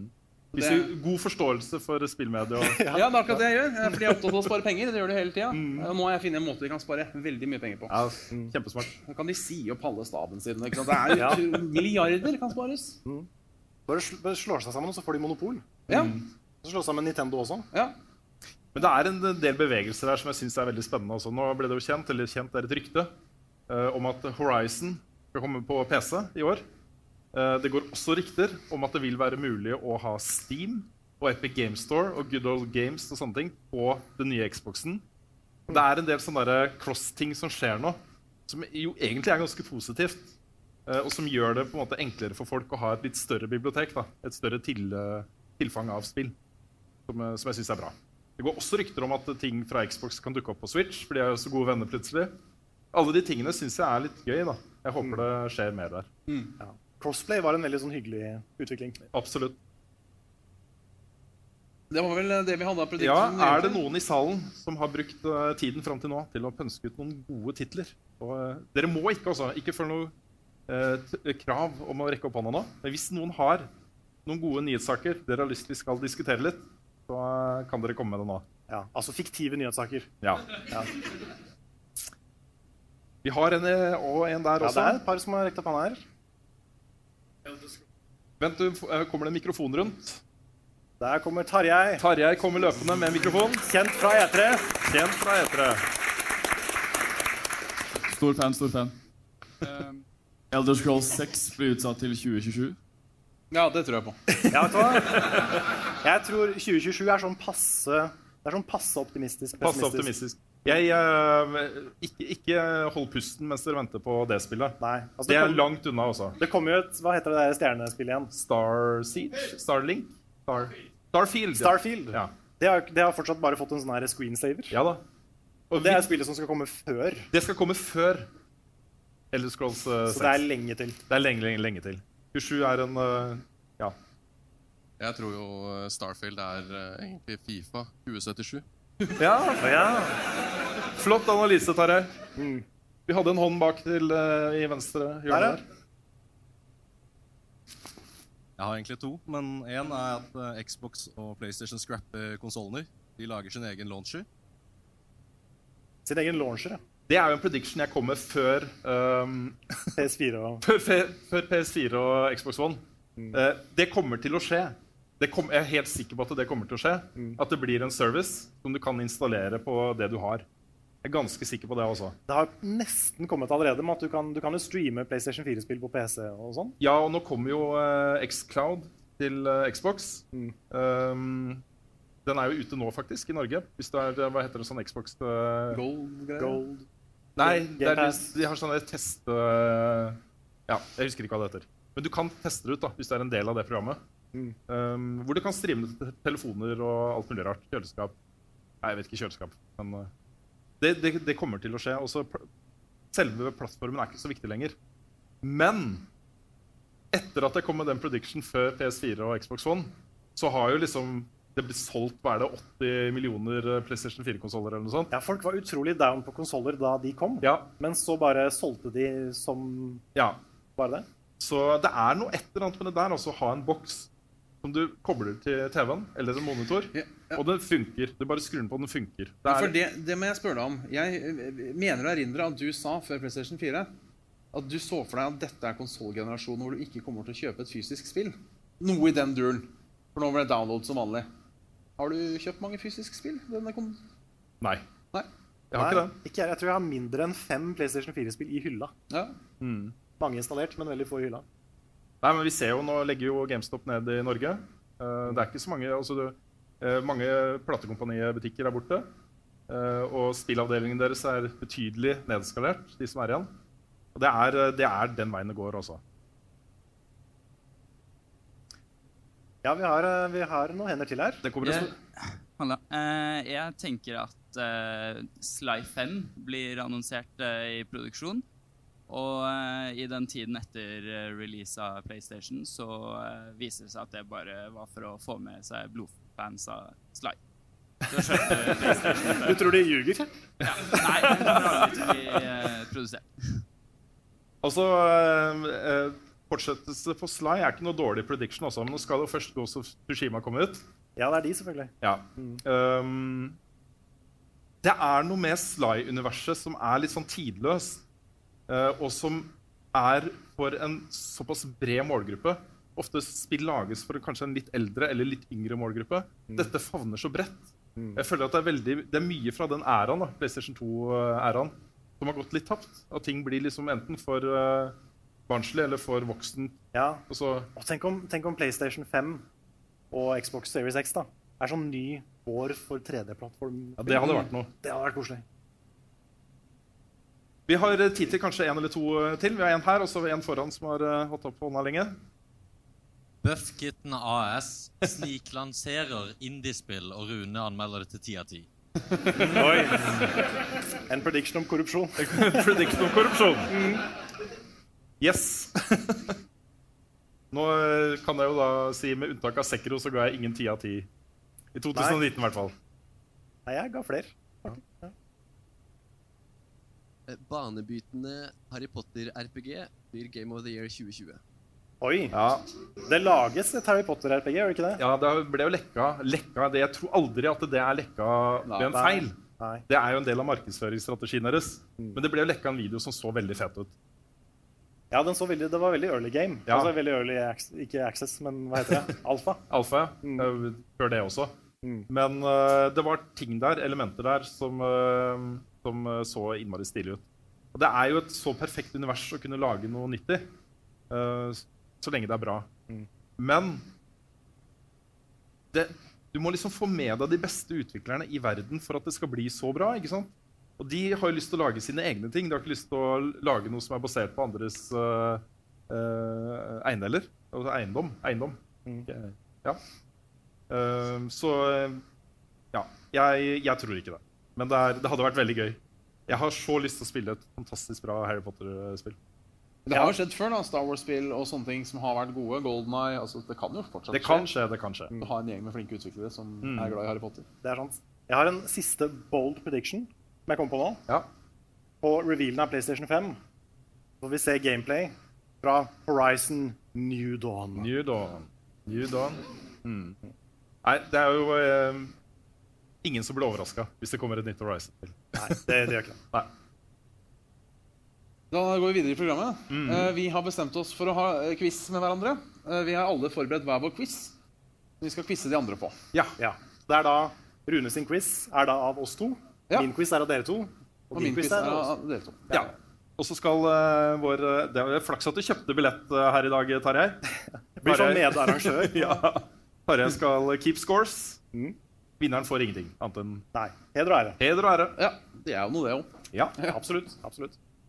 Rune, hva handler din quiz om? Ja, jeg skal begynne. Vi har jo liksom prøvd å velge ting som, dere, som de andre ikke kan så mye om, kanskje. Mm. Og min quiz er da selvfølgelig eh, våpen i Destiny 2. Våpen i Destiny 2. Eh, jeg har gjort det litt lettere for dere ved å gi dere svaralternativer. Ok. Så vi kjører bare på. Ja. Det vi skal fram til, er et våpen som da eksisterer i Destiny 2. Ok. Det Så er- vi svarer begge to før du sier hva det er? Svarer begge to før jeg sier hva det er. Og det er bare ett korrekt eh, ja. Ehm, første spørsmål. 1000 voices. 10,000 voices. 1 billion voices. Oi. Jeg Jeg sier A. Da- For å gjøre det spennende sier jeg B. Da er det A som er riktig. 1000 voices. Veldig bra jobba. Takk, takk. Det er da en eh, Exotic Fusion-rifle. Og så er det andre. 7 delirium. 21 delirium. 77 delirium. Eh, 21. Se. Da er det 21. Da er det to av to på Jeg, jeg skal Dette begynne å kunne bare jeg. gjette det samme som deg. Men da, da vinner jo du. Ja, nå er det for seint. Ja, det er det. Greit, neste. Anonymous Winter. Er det Noen som kan gjette hvor dette går? Anonymous Spring. Anonymous Summer. Eller Anonymous Autumn. Du kan få svare først denne gangen. Ok, Jeg tipper Anonymous Winter. Det er også det jeg tipper. Det er feil. Det er Anonymous Autumn. Det var det jeg trodde det var sist. Ok, Faktisk. Her kan det bli spennende. Kan ikke dere bytte på å svare først? Jo. Ja. Alternativene er nå bare to. Det er bad news, good news. Eh, jeg skal starte, da. Jeg tenker det er bad news. Da sier jeg good news. Det er bad news. Det er bad news. Nå, nå har jeg gjort Hvor et mye poeng ut Destiny av har du å velge spilt? Jeg har spi- spilt litt Destiny. Begge har jo spilt litt Destiny. Jeg har spilt fram til endgame av første. Ja, nettopp. Da har du spilt mer enn meg, så ja. dette, dette burde du kunne. Ja, All right. Men nå gjør jeg et poeng ut, for jeg må catche opp, ikke sant? så må jeg svare noe annet enn deg uansett. Det er sant. Så det er derfor jeg gjør det. Ja, jeg hopper over et par her. Vi går eh, til en, eh, en litt sånn vitenskapsbasert eh, variant. Helium SR3. Carbon SR3. Eller oxygen SR3. Jeg husker jo Helium Filaments fra Destiny. Mm. Men kanskje du har lagt inn det som et sånt luresvar? Fordi jeg husker Helium Film. Jeg velger det. Helium. Helium. Jeg går for carbon. Begge har feil. Det er oxygen. OK, ne vi går kjapt til neste. Patron of lost causes. Patron of forgotten souls. Eller patron of your mama. Jeg går for Patron for your mama. Da går jeg for A. A er korrekt. Ja, endring. Veldig bra. Ett poeng. Og så har vi en eh, Den er jeg kanskje mest fornøyd med. Alternativene er prosecutor, defense attorney eller stenographer. Hvem er først nå? usikker. Jeg vet ikke. Nei. Jeg svarer eh, A. Jeg svarer prosecutor. Det er korrekt. Gammelt trials-våpen. Det er rart med et våpen som heter defense attorney. Jeg syns sten, sten, stenografist Jeg har ikke Ja. Gunnar kaster for stenografisten av den. Det er betydelsen. Ok, jeg har hoppa over noen her, altså. Vi tar den siste. Alternativene er right side of wrong eller wrong side of right. Meg først? Ja. Da sier jeg right side or wrong, jeg, for det høres eh, mer vettet ut. Ja, jeg må si den, jeg òg. Begge er korrekt, så Ja. der hadde dere fått poeng uansett. Ai, Ok, ai. Ja. Det var våpen i Destiny, altså. Bra Gratulerer, jobba, Bjørn. gutter. Takk. Dette, dette kan jeg sikkert. Hvordan er stillinga? Hvordan ble stillinga? Stillingen er eh, tre poeng til Carl og fem poeng til Jabbe. Nice. nice. Grats. Ja. OK. Min quiz handler om en, eh, en spillsjanger som Bjørn og Rune har spilt veldig, veldig, veldig mye. Nemlig japansk rollespill. Det er sjangeren, det. Ja, så aller først Nå skal jeg liste opp eh, tre Final Fantasy-navn. Og så skal dere gjette om det er ekte navn, eller om det er navn jeg har funnet på. Ok. Er dere klare? Eh, Kan jeg først spørre, Er det farlig om jeg ser eh, skjermen din? Nei. Det står ikke noe, Det står ikke noe svar. Nei, bra. Ok. Ok. Det er da tre navn. Kanskje alle er riktig. Kanskje alle er fake. Så det er umulig å vite hvor mange som er ekte, og hvor mange som er fake. Da begynner jeg med selfie til mitt. Er det et ekte navn eller et fake navn? Fake. Ekte. Ekte er riktig. Yes! Neste. Faris Skjervis. Jeg tror det er ekte. Ja, jeg tror det er ekte. Det er riktig, begge to. Og så Walter Klyge. Da, da er jo spørsmålet eh, Gjelder eh, holdt på å si din karakter i Final Fantasy 14? Nei. Eh, da sier jeg fake. Jeg sier ekte på denne. Gjør du det? Ja. Det er en karakter fra De syv søstre, så det er ikke Ja, ok, greit. Neste. eh, Frans Armstrong. Ja. Ekte? Ja, Tror jeg tror det er ekte. du det? Ja. Nei, den sier jeg falsk på. Rune har rett, den er fake. Kine High Wind. Den er ekte. Ja, det tror jeg. Det er riktig. Begge har rett. Og så Gekk. Hva for noe? Gekk. Gekk. Ja, GEK. Det er jo en rase i No Man's Sky også. Ja, men er det en character i Final Fantasy? Mm. Eh, ja. Nei. Nei, riktig. Men det er en karakter som heter Gau. Å ja, ok. Ja, det var han jeg tenkte på, selvfølgelig. Ja, det var han, ja. Og så går vi over til eh, Kingdom Hearts navn. Herlig. Og det er jo en sånn eh, Jeg kan Donald. Donald kan jeg. Ja. Mickey Men det, Mouse, da. det er en sånn gimmick i Kingdom Hearts navn, hvor Mm. alle de i Organization 13 de har navn med X i seg. Ok. Så dette er bare navn med X i seg. Så um, første Luxord. Nei. Ehm, Jeg sier, ja, ja. Ja, riktig. Luxord er en character. Clarks. Den er fake. Den er ekte. Det er riktig at den er fake. Nå sliter jeg. Det er faktisk Carl med en X også. Oi, oi. Marluxia. Det er det der først. Ja, jeg sier eh, Jeg sier fake, jeg, da. Oi! Oi, den kom Siri. Siri, vil du være med? Jeg sier fake. Du sier fake? Jeg sier ekte. Ekte er riktig. Du Ja, da. er god på dette. her, Lillemann. Og så Sexion. Vet du hva, jeg sier ekte på den også. Jeg, jeg sier fake, jeg, da, bare fordi det er ekte. Ja, nei, det er ekte. Det er en spennende Jeg sitter jo blodspilt uh, Ja, ja, Kingdom Hearts du er, og JRPGs Du hele har forberedt deg til quizen. Det er veldig bra. Larkscene. Der først, tror jeg. Eh, ekte nå. Den sier jeg fake på. Ekte er riktig. Oi. Og siste fra Kingdom Hearts. Demix. Demix? Demix. Fake. Ekte.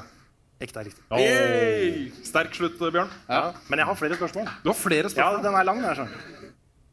OK. Dette er um, Ja. Er dette et Final Fantasy-angrep eller ikke? Loveless Thunder. Det er ekte. nei, det er fake. Det er fake. Nå tar du igjen litt. Jeg skulle ikke ha blitt så høy i hatten her, altså. Nei. Frog. ekte. Ekte. Riktig. Renso kuken.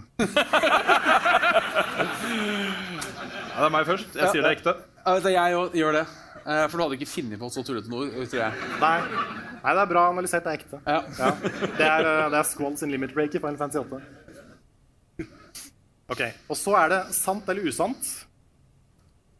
Du har jobba med dette, har du? Ja, det, jeg, hadde litt jeg, Det er sånn jeg begynner på quiz, så får jeg alltid lyst til å liksom finne Ja, på ja, det, ja. liksom. ja.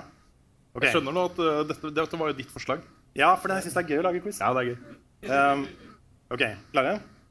Det første Final Fantasy ender med en appell fra skaperen til spilleren om å være et bedre menneske. Det ringer opp veldig. Jeg lurer på om det er ekte. ja, jeg tror jeg sier ekte på det. Det er riktig. Neste. En rollefigur går tilbake i tid og blir sin egen pappa. Ja, det er sikkert ekte. Ja, jeg tror også det er ekte. Nei, det er fake. Ok. Der, se- der, der ser du liksom hvor uh, Hvor, hvor, hvor fordommene våre Ja, ligger. fordommene våre ligger, ja. Ok. Det går bra med heltene fordi en av hovedpersonene snakker bever. Ja, det er ekte. Ja.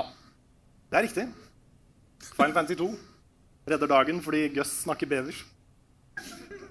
En baby chocobo, som er de små Mm. fuglene, vokser opp til å bli en lettkledd dame i chocobo-kostyme som selger items. Ja. Ja. Det er riktig. Mm. Selvsagt. Ja. Siste. En snakkende blekksprut prøver å sabotere et operastykke. En snakkende blekksprut? var det Ja. det? ja. Jeg sier ja, jeg. Sier ja. ja, det tror jeg også.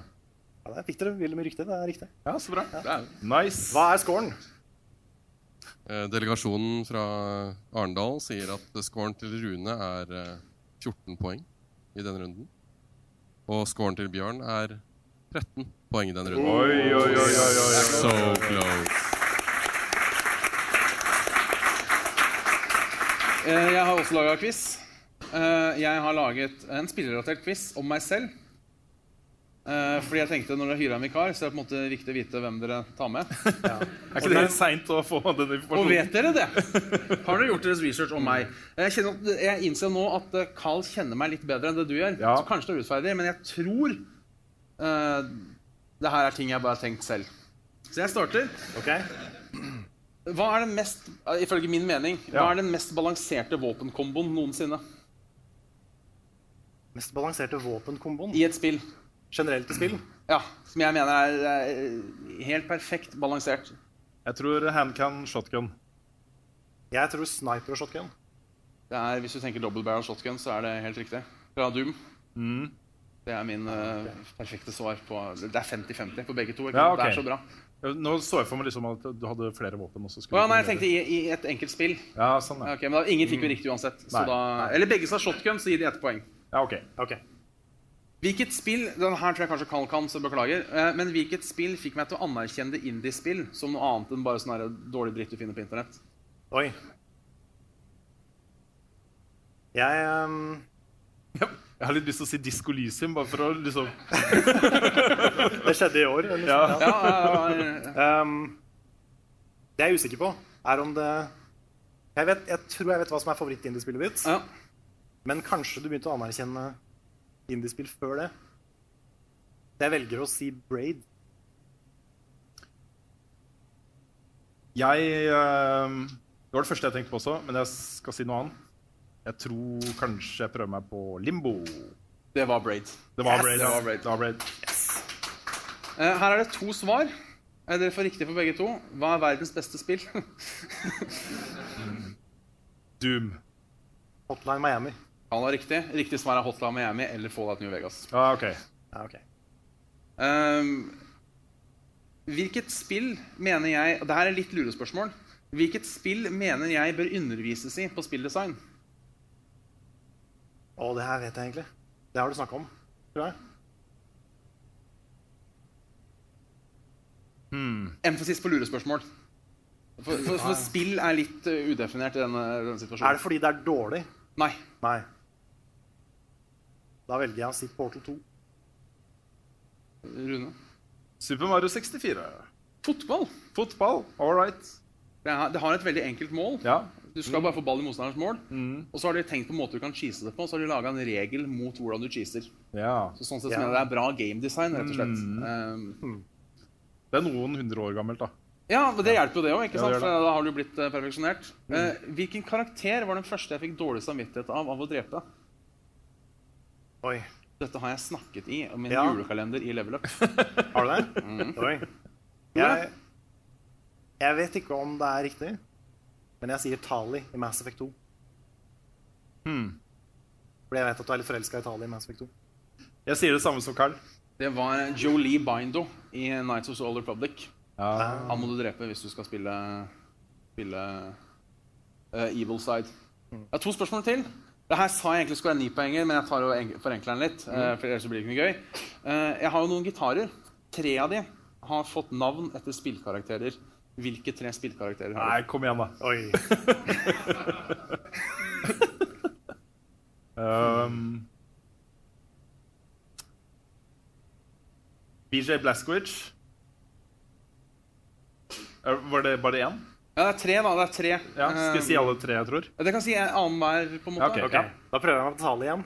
Ja. Eh, ingen av de er riktig. Nei, ok.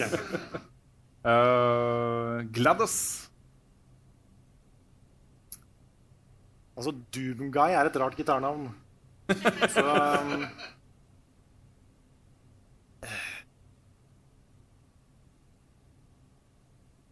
Luigi.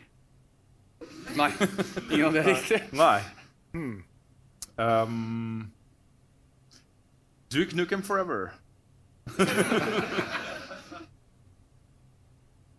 Er uh, spillka... Um, Shepherd. Nei. Det er Eris, eh, Daisy og Selda. Ja, det er jo gitarra-formen. Nei, nei. Å nei, ok. Nei. Så- Ok. Eh, Siste spørsmål. Eh, Jeg mangler én Nintendo, én PlayStation og én Xbox. Hvilke? Her er det også muligheter med tre, eh, for tre poeng. Altså alle konsolene, liksom, de har, altså Hovedkonsollene de har gitt ut, så mangler jeg én i hver serie. på en måte. Hvilke mangler jeg? Og det var Ok. Nintendo uh, PlayStation og Xbox. Ja. Skal vi si alle tre på en gang, da? ja, det kan vi gjøre. Ja. Ok. Jeg tror du mangler Nintendo 64 og PlayStation 3 og Xbox One. Rune? Jeg tror også Xbox eh, One. Men jeg tror eh, Jeg tror eh, PlayStation 1 og Wii U. Begge får to poeng. Riktig svar er PlayStation 3, Wii U og Xbox One. Nice. Det, var, det var mine Ja, Vanskelig spørsmål. Ja, Bjørn. det var- det var meningen, Ja. vanskelig. Men jeg føler jeg kjenner deg bedre nå. Ja, ikke sant? Så jeg er det glad var jo du- også litt av ja, Dette var en bonding experience. Ja, det var det. Mm. Fantastisk. Vi kan jo også nevne at eh, den spalten her er en liten forsmak på en endring vi har lyst til å gjøre i podkasten. Vi kommer til å innføre litt sånne her rullerende spalter og teste ut litt ting. Så et sted i podkasten nå, kanskje allerede fra neste uke, hvis vi klarer å jobbe så fort, så introduserer vi litt sånn skiftende spalter. Ja, wildcard-spalte. Et wildcard, eh, en wildcard-spalte, Hvor det Ja. også vil være mulig da å nominere eh, forslag til nye spalter fra folk som hører på. Ja, allerede nå så kan dere sende oss Ikke sant? eh, skrive i kommentarfeltet på spørsmålsposten. Mhm. Bare, ja. Begynne å tenke litt på det. Vi begynner å få litt dårlig tid, så vi må få inn noen spørsmål og svar. Yes! Men først må vi vite hvem som vant. Ja, herregud. Ja, nå øh, var jo øh, rekka til Carl ganske, ganske stygg. Så- Det er derfor jeg hadde lyst Den til å vite sånn. hvem drakk som egentlig vant. alt. Men øh, sammenlagt så øh, har vi øh, da øh, på prrr, tredjeplass Carl. Ja. Åtte poeng.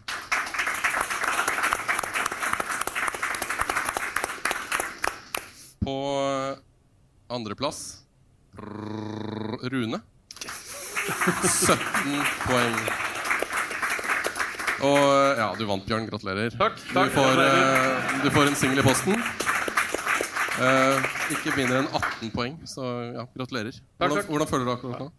Eh, veldig bra. Synd at det ikke var noen premie. Jeg skulle gått for det i starten. Bare fått inn en premie. Insistert på premie. Insistert Ja, på premie. ja. Det bør ikke være mye. En litt kontorrekvisitt eller et eller annet sånt nå. Og nå angrer jeg veldig på at min quiz hadde flest poeng. Ja, vi- vi- Det var litt dumt. Det var litt bare dumt, poeng Karl. jeg misset, så Det var litt dumt. Ja, det skal jeg tenke på neste gang. Burde du tenke på. Mm. Ett spørsmål neste gang. Ett spørsmål. Ja, det er, det er planen. Ingen spørsmål. Da vinner du garantert. Ja, da vinner jeg. Da vinner jeg. Men eh, vi, har, vi åpner for spørsmål fra salen, som det heter. Yes. Eh, hadde dette vært et kommunestyre, så hadde det vært eventuelt. Mm. Ja. Eh, og nå åpner vi for eventuelt. Vi har en eventuell der. En eventuell deltaker, si. Ja. På en måte bare for å fortsette den vitsen. Jeg holder kjeft. Du da. kan gjerne si hva dere heter også når dere tar mikrofonen. Ok, Kristoffer Lien er dere. Hallo. Eh, jeg vil gjerne høre eh, topp tre Fromsoft-bosser. Bosser. Bosser. Fromsoft. Ja, det blir jo veldig Det blir litt random. Jeg må eh, innrømme det. Um, og så vet jeg, jeg k- Jeg klarer ikke å ta det i rekkefølge. Men eh, Orphan of Koss var med. Um, og så tror jeg kanskje også eh, jeg, jeg tror jeg må ta med Fader Gascoigne. ja, Altså. Min første Min første skikkelige eh, Soulsborne-boss. Og så Sword Saint Ishin. Ok. Mine er eh, Lady Maria of the Astral Clock Tower. Allerede altså, angrer jeg på lista mi. Ja. Og ehm, en boss som ligner. Sistor Fride. Ja. Og han eh, Ariandel, eller hva han heter. Han, eh, han svære som sitter i stolen. Eh, og så siste Guardian Ape. Eh, jeg sier kameraten på hesten. Kameraten i tårnet. Og han kameraten med den feite rustningen. Ja. Som Ja. du må som du sparke ut. Ja, som roper Robert. Ja, sikkert. Han eh, du må tømme for statue og Ja, og gutta stemmer. for- Stemmer. Ja. Det er mine topp tre favoritter. Du, du, når du satte deg ned for å streame Sekiro, så satt til og med jeg og så på. Ja, det var ja. kjempegøy. Det var en happening. Ja, det var det. Eh, ja, eh, jeg heter Adrian. Og jeg lurer på, Nå er vi jo i et nytt tiår. Og vi har brukt mye tid på å tenke tilbake på 2010-årene. Men jeg lurer på, hvor er det dere sånn helt seriøst eh, tenker at spillmediet er når vi runder 2030? Eh, Spillkonsoller, hvilke spill kommer ut, VR, sånne ting. Det er et veldig godt spørsmål. Stort spørsmål. Ja. Det er jo noen konstanter da, i alle underholdningsmedier. eh, Og det går på sånne ting som historier, rollefigurer, dialog, den type ting. Det jeg gleder meg mest til i tiåret som kommer, er jo at det blir mye bedre.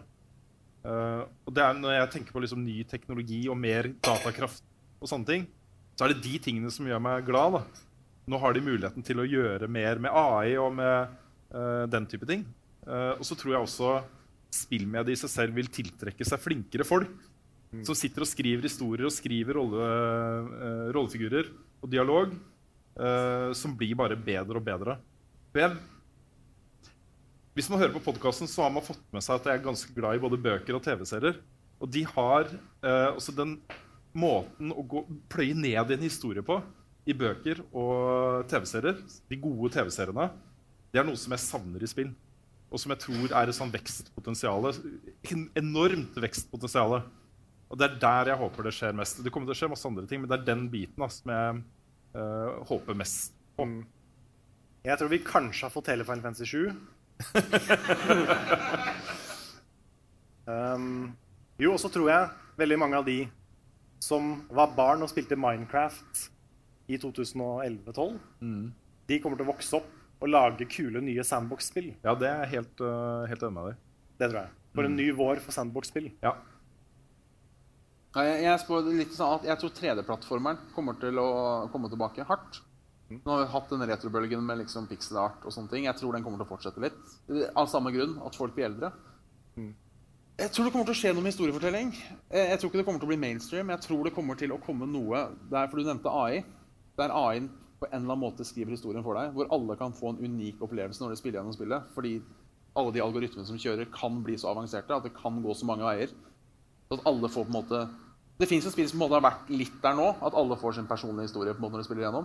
Jeg tror kanskje det kommer til å bli enda mer komplisert. Men ellers så tror jeg også at øh, den trenden vi ser i dag med også, Det har jo aldri vært mer, s- større spennvidde i hva, et, øh, hva spillmediet er. Hva slags type spillopplevelser det rommer. da. Eh, og det kommer bare til å fortsette. Du kommer til å se det liksom bare sprekke ut i alle bauger og kanter.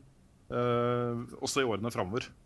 Ja, fordi jeg tror mange av de største spillene som kommer, er i sjangere som ikke fins ennå. Sånn som PubG, som dukka opp og bare ble et av de største spillene ever. Eller mest solgte spillene ever.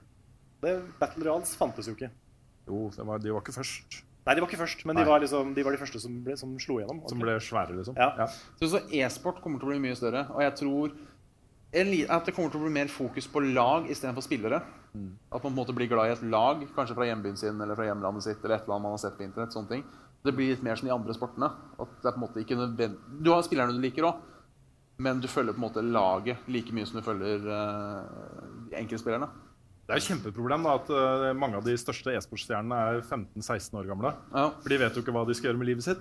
Og ja, er litt sånn hoppe litt øh, Man gjør jo det i Jeg, den jeg alderen. tror også det kommer til å komme mer som bedrifts-e-sport.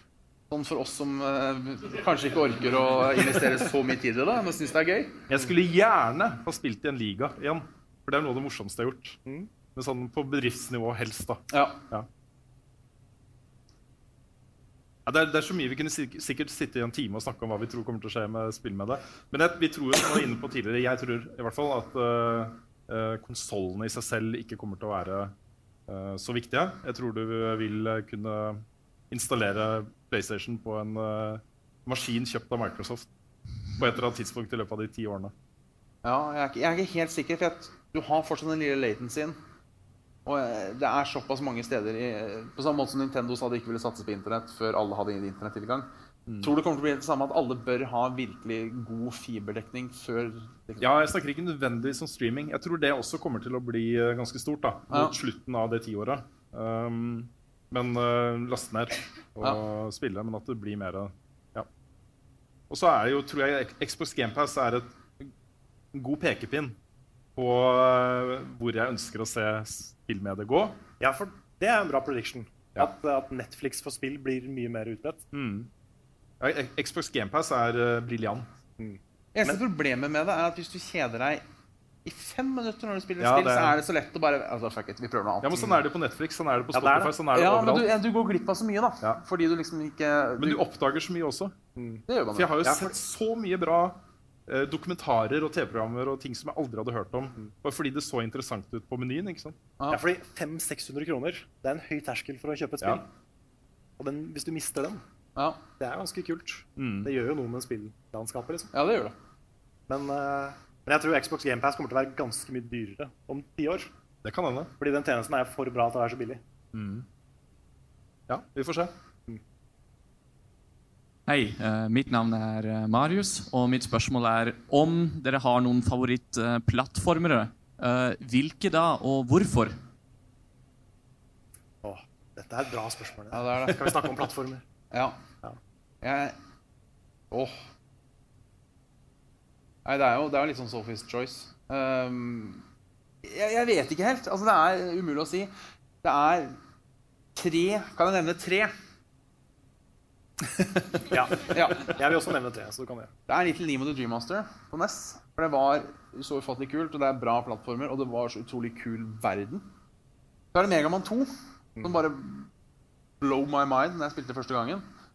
Og så er det Donkey Kong Country 2, som hver gang jeg spiller det, bare er 100 perfekt. Til og med Toxic Towers er en liten gem i seg sjøl, altså. Det spillet har liksom ingen, ingen Det er bare perfekt. Det ser fortsatt bra ut. Og det er Jeg sier kanskje at det er favoritten min, er Donkey Kong Country 2. Hvis jeg må velge én, får bare spille én plattform før du dør. Pluss at det er hakket lenger enn Megaman 2, og så har jeg litt lenger å leve. Det er også positivt. Mm. Ja, det går av og an. Nå har man jo Tetris på telefonen, så er det lettere å på en måte sette det ned. Det kan man- Avaggressere, holdt på å si. Ja. ja. Ja, jeg også har tre. Ehm, må jo først nevne barndomsspillet mitt, Sonic 3 and Knuckles. Og så eh, Mario 64. Det står mellom det og Odyssey, men jeg har fortsatt ikke helt liksom, det er så vanskelig å sette de opp mot hverandre. For det, Det er nesten umulig. ja, det er det. Og så siste. Dette er litt sånn upopulært valg. Jeg vet at det er mange som ikke liker det spillet her. Men eh, Donkey Kong 64. Jeg har så gode minner med Donkey Kong 64. Jeg syns fortsatt det er gøy å spille med. Så slå et slag for det. Mm. Eh, det spørs jo hvor vidt man skal tolke plattformsjangeren. da. Men jeg vil jo si Portal. Mm. Ja Sorry. Ja. Du har Jeg må- godt poeng, da. Ja, jeg må ha med den. Jeg tenkte jo ikke 3D-plattformer engang. Så altså, jeg var jo enda mer innsnevra. Nei, vet du hva, Hvis jeg kan gå tilbake, så endrer jeg Donkey Kong til Portal 2. Ok. Portal 2 da. Ja, jeg har fortsatt Portal 1. Egentlig så hadde jeg lyst til å ha med begge to, men vi kan ta tre forskjellige. Jeg har også Super Mario 64. Revolusjonerende. Og så har jeg Ratchet and Clank. Mm. Den eh, må med.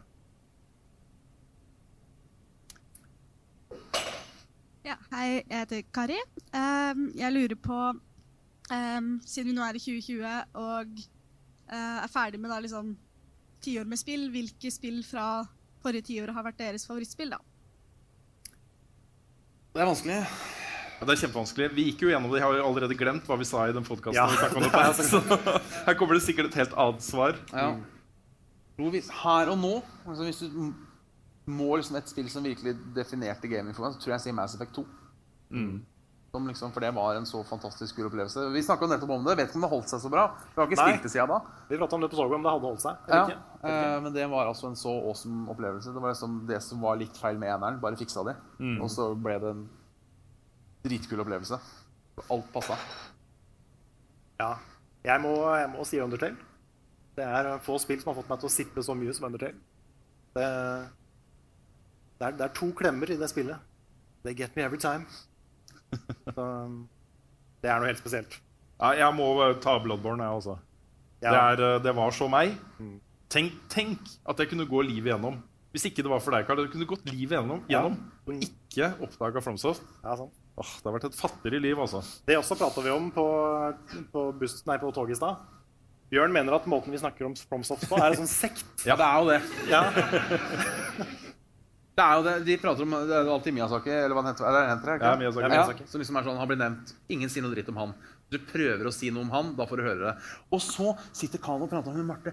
Jeg tror kanskje jeg har fått Marte med på sånn der FromSoft-spill, skjønner du. Og det er jo sånn, det er jo Det var, ikke, det var ikke det jeg sa. Jo, det var det ikke, du ikke sa. ordrett. Ja, men det det, var- jeg sa, var at liksom, vi begynte å spille Bloodborne, og kanskje liksom, det virker som hun kanskje digger det. Ja. Det var det du sa til meg.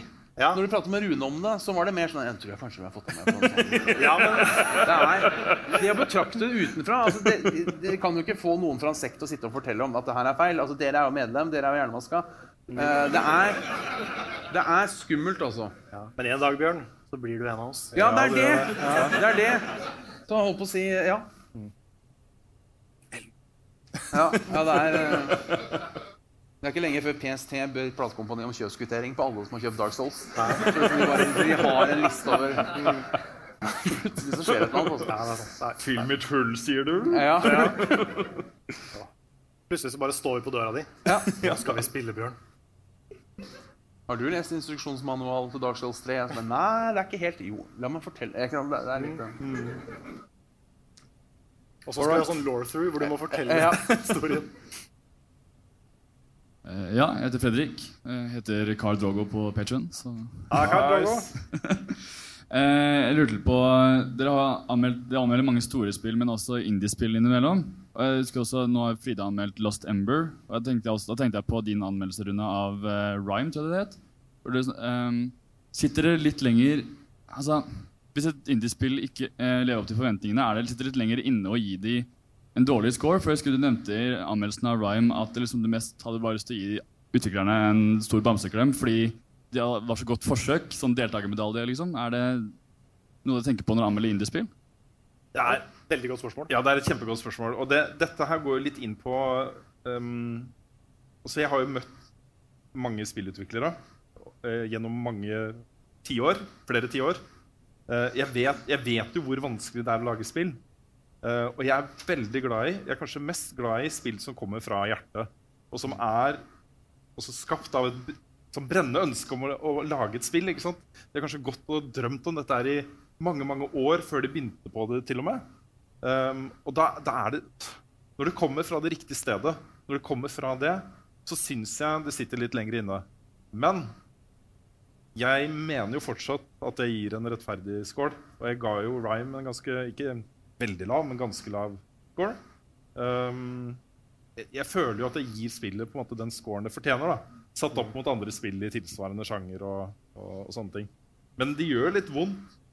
Det gjør litt vondt, og ehm, helt konkret så har vi jo vært ganske strenge med en del norske spill. Hvor vi til og med har snakka med de. Vi har snakka med utviklerne. Ikke sånn at vi er bestevenner, eller noen sånne ting, men vi, har snakk- vi vet godt hvem de er, og eh, vet hvor mye de har slitt med å lage spillet. Men vi må liksom vi, vi kan ikke miste den der at vi bare bedømmer spillet for det det er, uavhengig av uten, altså faktorer uten, på utsiden. da. Eh, det er veldig skummelt hvis man begynner med det. Så, men det er, det er vanskelig. Det er vanskeligere enn om det er eh, skapt av en fokusgruppe og så lagd av eh, 300-400 utviklere på en, en, en, sånn hall i eh, Vancouver eller noe sånt. Det er det, altså. Men det er, eh, s- spill er sånn skaperverk. Spill er eh, eh, Ofte kommer det fra lidenskap, og folk blir lei seg. Folk som har lagd spillet, blir lei seg hvis de får dårlige anmeldelser. Det vet man. Men det må man bare leve med. altså. Ja, det er jo noen spill Jeg merker at jeg heier mer på enn andre. Men det er jo, det er jo så viktig å være bevisst på det. da. Og liksom prøve å løsrive seg fra den følelsen når man gir en Mm. score.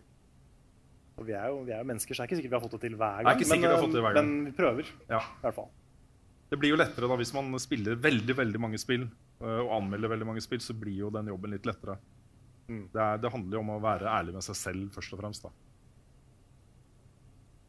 Vi rekker to spørsmål til. Vi er egentlig litt over tida, men vi kan ta to spørsmål til. Kan ta et par spørsmål til? Ja, det synes Ok. jeg. Ja. Jeg heter Lars. Eh, Dere var inne på e-sport tidligere, at eh, e-sport blir større og større i Norge. Og politikere blir involvert og sånn.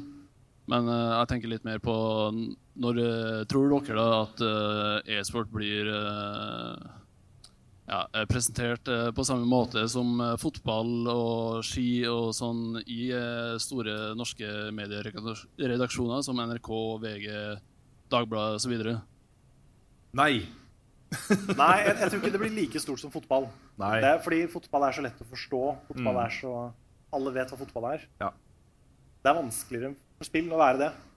Jeg tror også at uh, altfor mange som er involvert i e-sport, eh, sitter der med på en måte fotball og VM i fotball og OL og sånn som et mål. Da. Ehm, jeg syns heller de skulle sikte inn mot X Games. eh, litt sånn mindre, kulere konkurranser som har prestisje, og som det er mange mennesker som ser på, eh, men som er litt underground. Altså litt utenfor den der mainstream-tingen.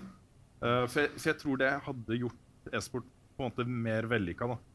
Eh, og det er litt, litt for store ambisjonsnivåer noen ganger i det de prøver å få til. og måten de snakker om det på. Nå, er, nå arrangerer vi OL i dataspill. Det, det høres litt rart ut. Altså, de sier på en måte at det er VM i dataspill. og Det, det, jeg husker ikke hva det heter, farta, men eh, de, de kaller det det. da. Og det er, jeg, jeg syns det blir å strekke seg litt for langt etter noe som eh, blir vanskelig å oppnå. Og grunnen til det er jo at folk som er opptatt av e-sport, er jo ikke opptatt av e-sport. De er opptatt av det spillet de selv spiller i e-sport. Og det å få eh, e-sport til å være engasjerende for folk som ikke spiller spillet, er kjempevanskelig. Det er noen spill som egner seg bedre enn andre. Counter-Strike for eksempel, formidla av gode castere og sånne ting. Så blir det gøy å se på, selv om du ikke spiller det aktivt selv. Men du bør i det minste ha spilt et skytespill online mot andre for å få den samme følelsen som de eh, som virkelig er engasjert i deg, har da, når de ser gode lag spille mot hverandre. Du må forstå hvorfor det playet der er sjukt pett og bra. da. Eh, Du må forstå prestasjonene for å virkelig engasjere deg. Så Derfor så tror jeg ikke det kommer til å bli like stort. Men det kommer til å bli stort. Det er jeg ganske sikker på. Jeg tror også det kommer til De fleste Altså Nok en gang at når, når de som spiller e-sp- e-sport nå, blir eldre, så tror jeg også det kommer til Når når de som er 20 år i dag, er de som bestemmer hva som vil gå på TV For lineær-TV kommer sikkert til å leve godt i 2040. Eh, så på en måte Så tror jeg kanskje det også kan hjelpe til at det blir litt mer av det. Eh, og i Norge så er det selvfølgelig med en gang det kommer noen nordmenn som er altså, eh, Vi elsker jo langrenn og sjakk, Mm. tidenes mest kjedelige sporter, fordi Norge gjør det bra. Ja da, det er så bare det det. er jo eh, Det kan jo hende at eh, det kan hjelpe til òg. Mm. I hvert fall her til lands. Men Folk samler seg ikke om TV lenger ikke sant? på den måten som vi gjorde før. Nei, det gjør de ikke. Mm. Annet enn når det er femmila i VM og, og sånt. Det er noen store events. Men det også kommer til å forsvinne. Altså, det kommer ikke til å være like stort eh, i det neste tiåret, neste tiårene framover. Det blir mer og mer segmentert. Ja, det gjør det. Og det er en sånn ting som, eh, som kommer til å gjøre det vanskeligere tror jeg, da, å nå fram til store masser. Og Derfor så bør det også satse litt eh, lavere.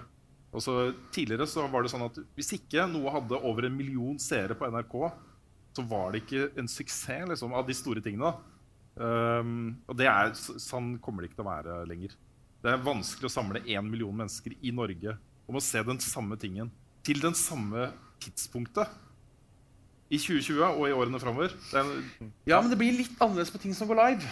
Mm. Jeg tror folk har litt lettere for å liksom, sette seg ned Ok, nå er klokka fem, nå må vi skynde oss og rekke det. Hvis det er noe som går live. For det er, Ja, ingen fordi- gidder jo å se sport i reprise.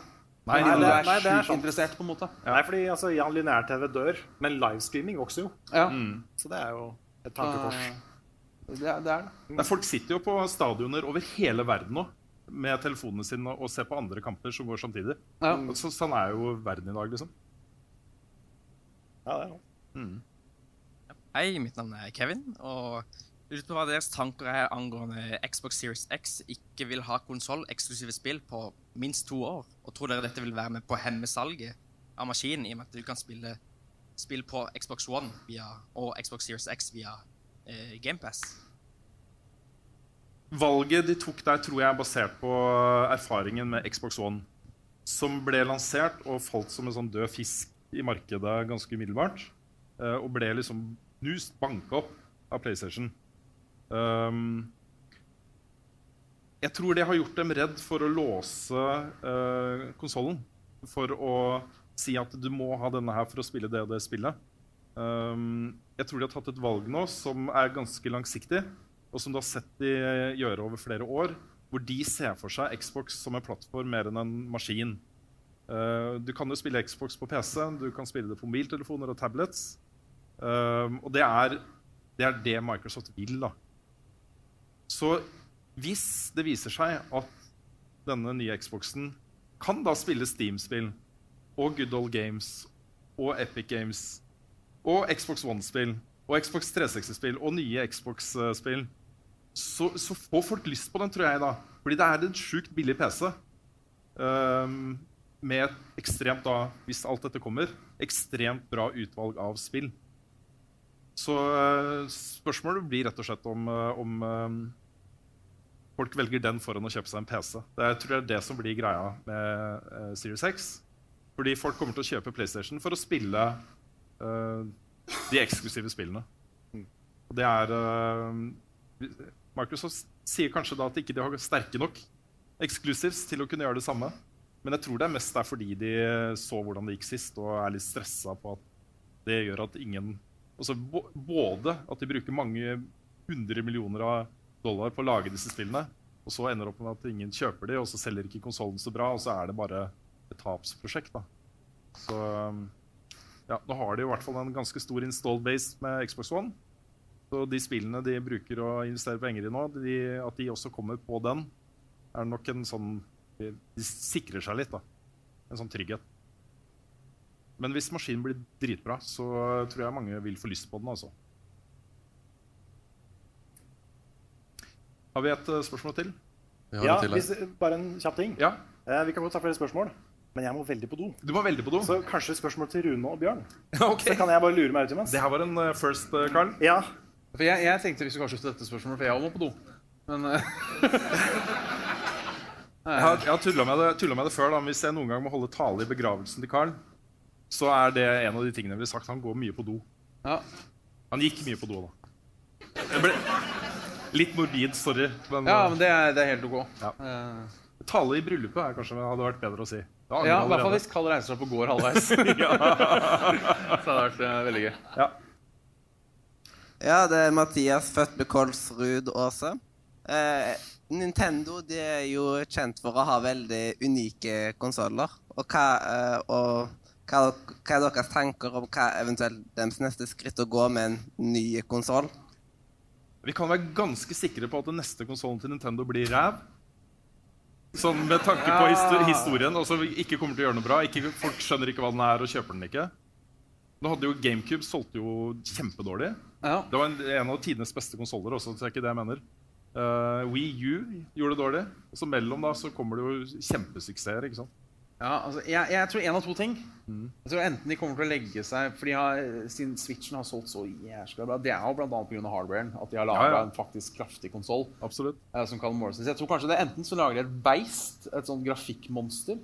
Eller så kanskje de finner på å lage en sånn egen VR-konsoll. eller et eller annet sånt noe, For det er Nintendo. De gjør akkurat hva de vil.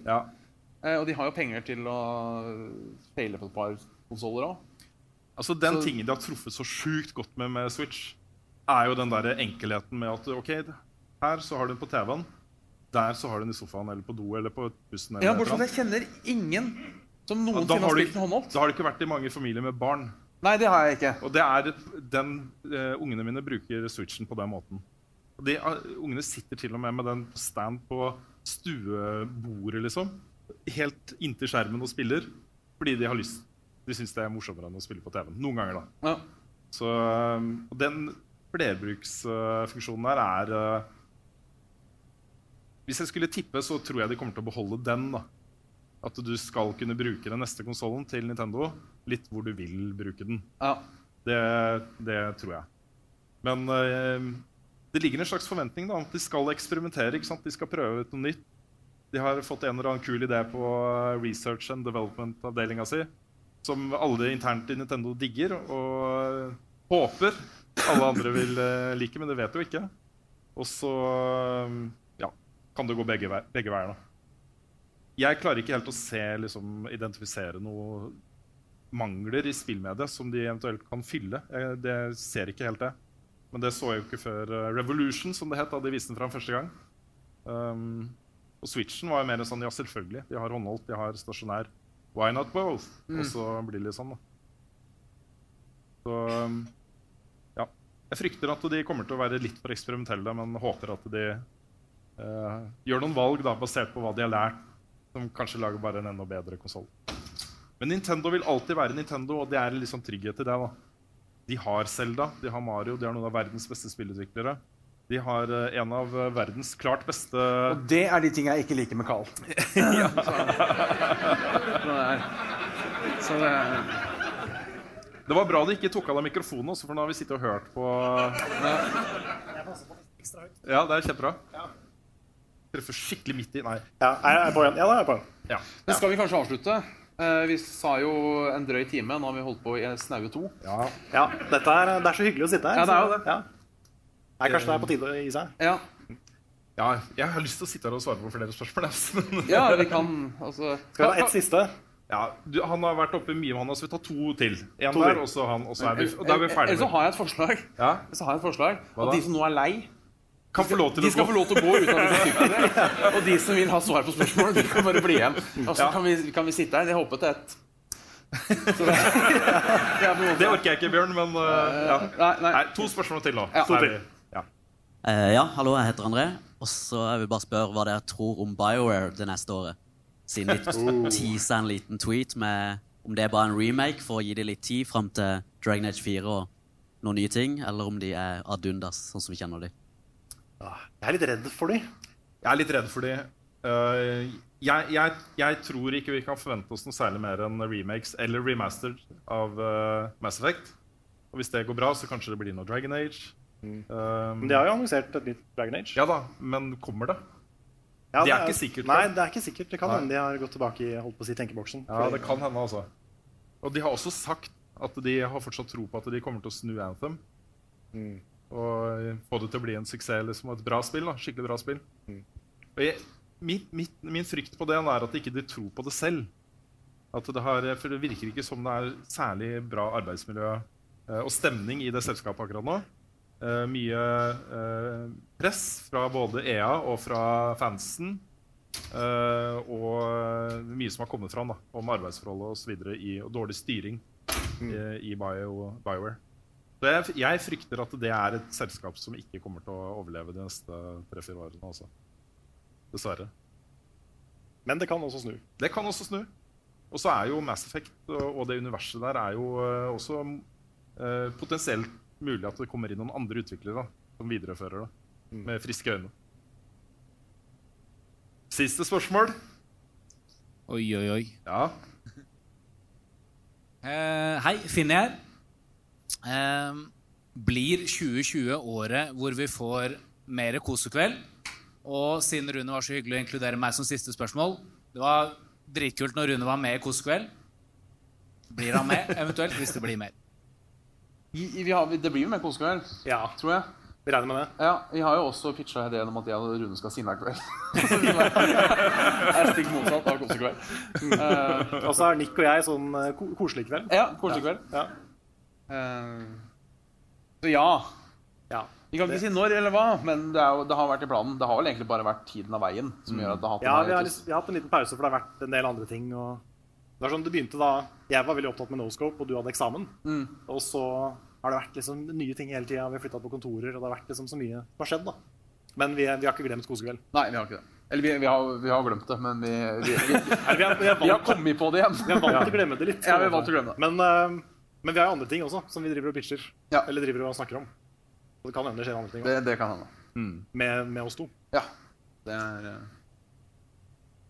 eh, Ja, jeg blir gjerne med på eh, kosekveld igjen. Hvis Ja. det blir mer kosekveld. Ja, det gjør det. Um, Det gjør det. Og så er det også en god anledning til å bare um, ønske velkommen tilbake til Level eh, Up-universet 2020. Vi har jo hatt en ganske lang juleferie. Vi har det. Uh, den, den har vært veldig nødvendig også. Jeg må bare få understreket det. Vi hadde ekstremt mye å gjøre rett opp til jul. Ja, 2019 er det mest intense året vi har hatt. Ja, særlig høsten 2019 var, eh, var mye, altså. Eh, men nå er vi tilbake igjen. Eh, denne podkasten her kommer ut eh, i løpet av helgen eller på mandag. Eh, og da fra neste uke så er vi i full gang igjen med spilluka, med eh, n- nye episoder av podkasten eh, og anmeldelser. Vi er allerede i gang med de første anmeldelsene. eh, med spennende ting som har kommet rennende inn døra. Og topp 10-lister. Topp 10-lister for 2019 kommer også. Så eh, fra neste uke så er vi tilbake igjen for, eh, for full. Yes. Men vi har jo en siste ting på programmet. Ja, har vi det? Ja, vi har det. Ja, ok. Hvis det er greit, Bjørn. Ja, ja, det er du som skal gjøre det mesteparten. Ja, Så, Da må jeg bare eh, gjøre klart borte på laptopen, for det er en grunn til at vi har med laptopen. Ja, eh, det baserer seg på eh, en, en gammel idé eh, om å kjøre en tekst eh, gjennom sju forskjellige språk i Google Translate. Og se hva resultatet er. Så vi, og så har du sånn at eh, La merke i grunn så er jo eh, Rune og Carl er jo ekstremt glad i å synge på scenen. Det er sånn, begge hater det, men de skal gjøre det hver skapte gang. eh, ja, men det har blitt en del av, skjermen med live. Jeg har det, så vi tenkte vi skulle ha en eh, Den har vært innom swahilisk, eh, den har vært innom latin, skotsk For det har jo egen Google Translate. Jeg husker ikke, jeg tok bare noen random greier. Eh, så vi skal synge den norske Pokémon-sangen, tenkte vi. Ja. Med, med, ny, med ny tekst. Skal vi dele det opp sånn at da jeg tar Vi deler det opp.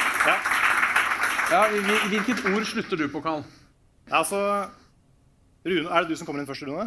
Nei, jeg synger refrenget. Ja, altså Jeg kommer inn først, og så refrenget. Ja. Og så Så du tar andre del av refrenget, Bjørn? Ja, tydeligvis. Andre halvdel. Ja. Ok. Avslutter. Dette er da Google Translate sin norske Pokémon-sang. Hvis lyd er klart, så kan vi kjøre. Etter at jeg synger 'Gjøre det', så er det deg. Etter du synger eh, 'Gjøre det'. Mm. Ja. Ok.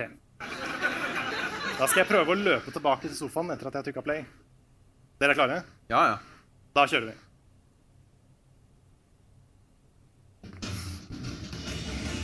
Nå gjorde jeg min reise og ringte på. Da han fikk en merkelig dyr, sover han på ballen. Land og sjø, utflukter åpne. For alltid.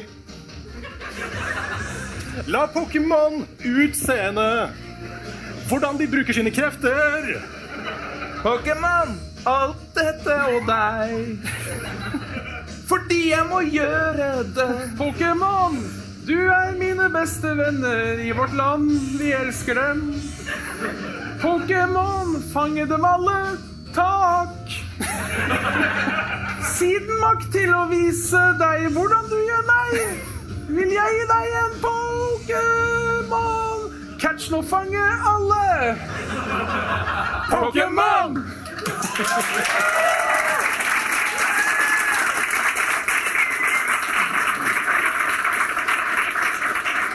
Det blei jo det vi kan kalle en hit. Men eh, da, ja, da må vi takke for oss.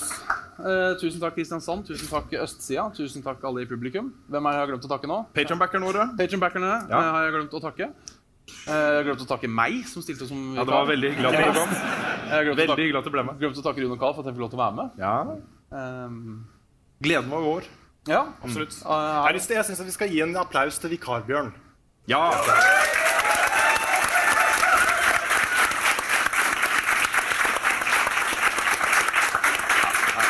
ja, ja. ja, ja.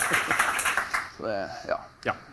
Eh, ja, jeg var jo livredd for at jeg glemmer å si et eller annet. som jeg skulle sagt. Jeg tror, jeg, tror det er greit, jeg. Ja, det er greit. Ja. Men da går jeg på do, og så avslutter vi. Og så er det bare å si hei til oss. Det er vanskelig å avslutte podkast, er det ikke det? Jo, det er det. Jo, Bare ja. på måten du avslutter en podkast på, Ja. har jeg funnet ut. For ikke sant, Det er alltid vanskelig å avslutte en podkast. Så det er bare sånn Vet du hva? Fuck it. Ha det bra. Takk for i dag.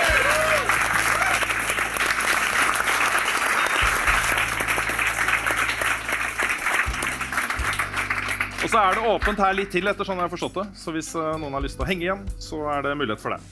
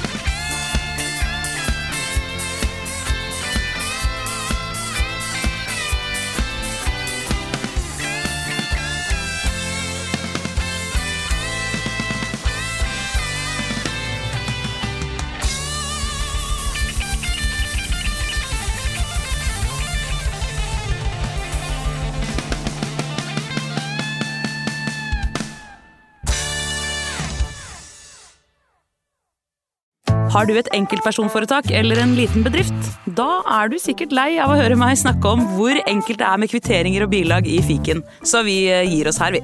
Fordi vi liker enkelt. Fiken superenkelt regnskap.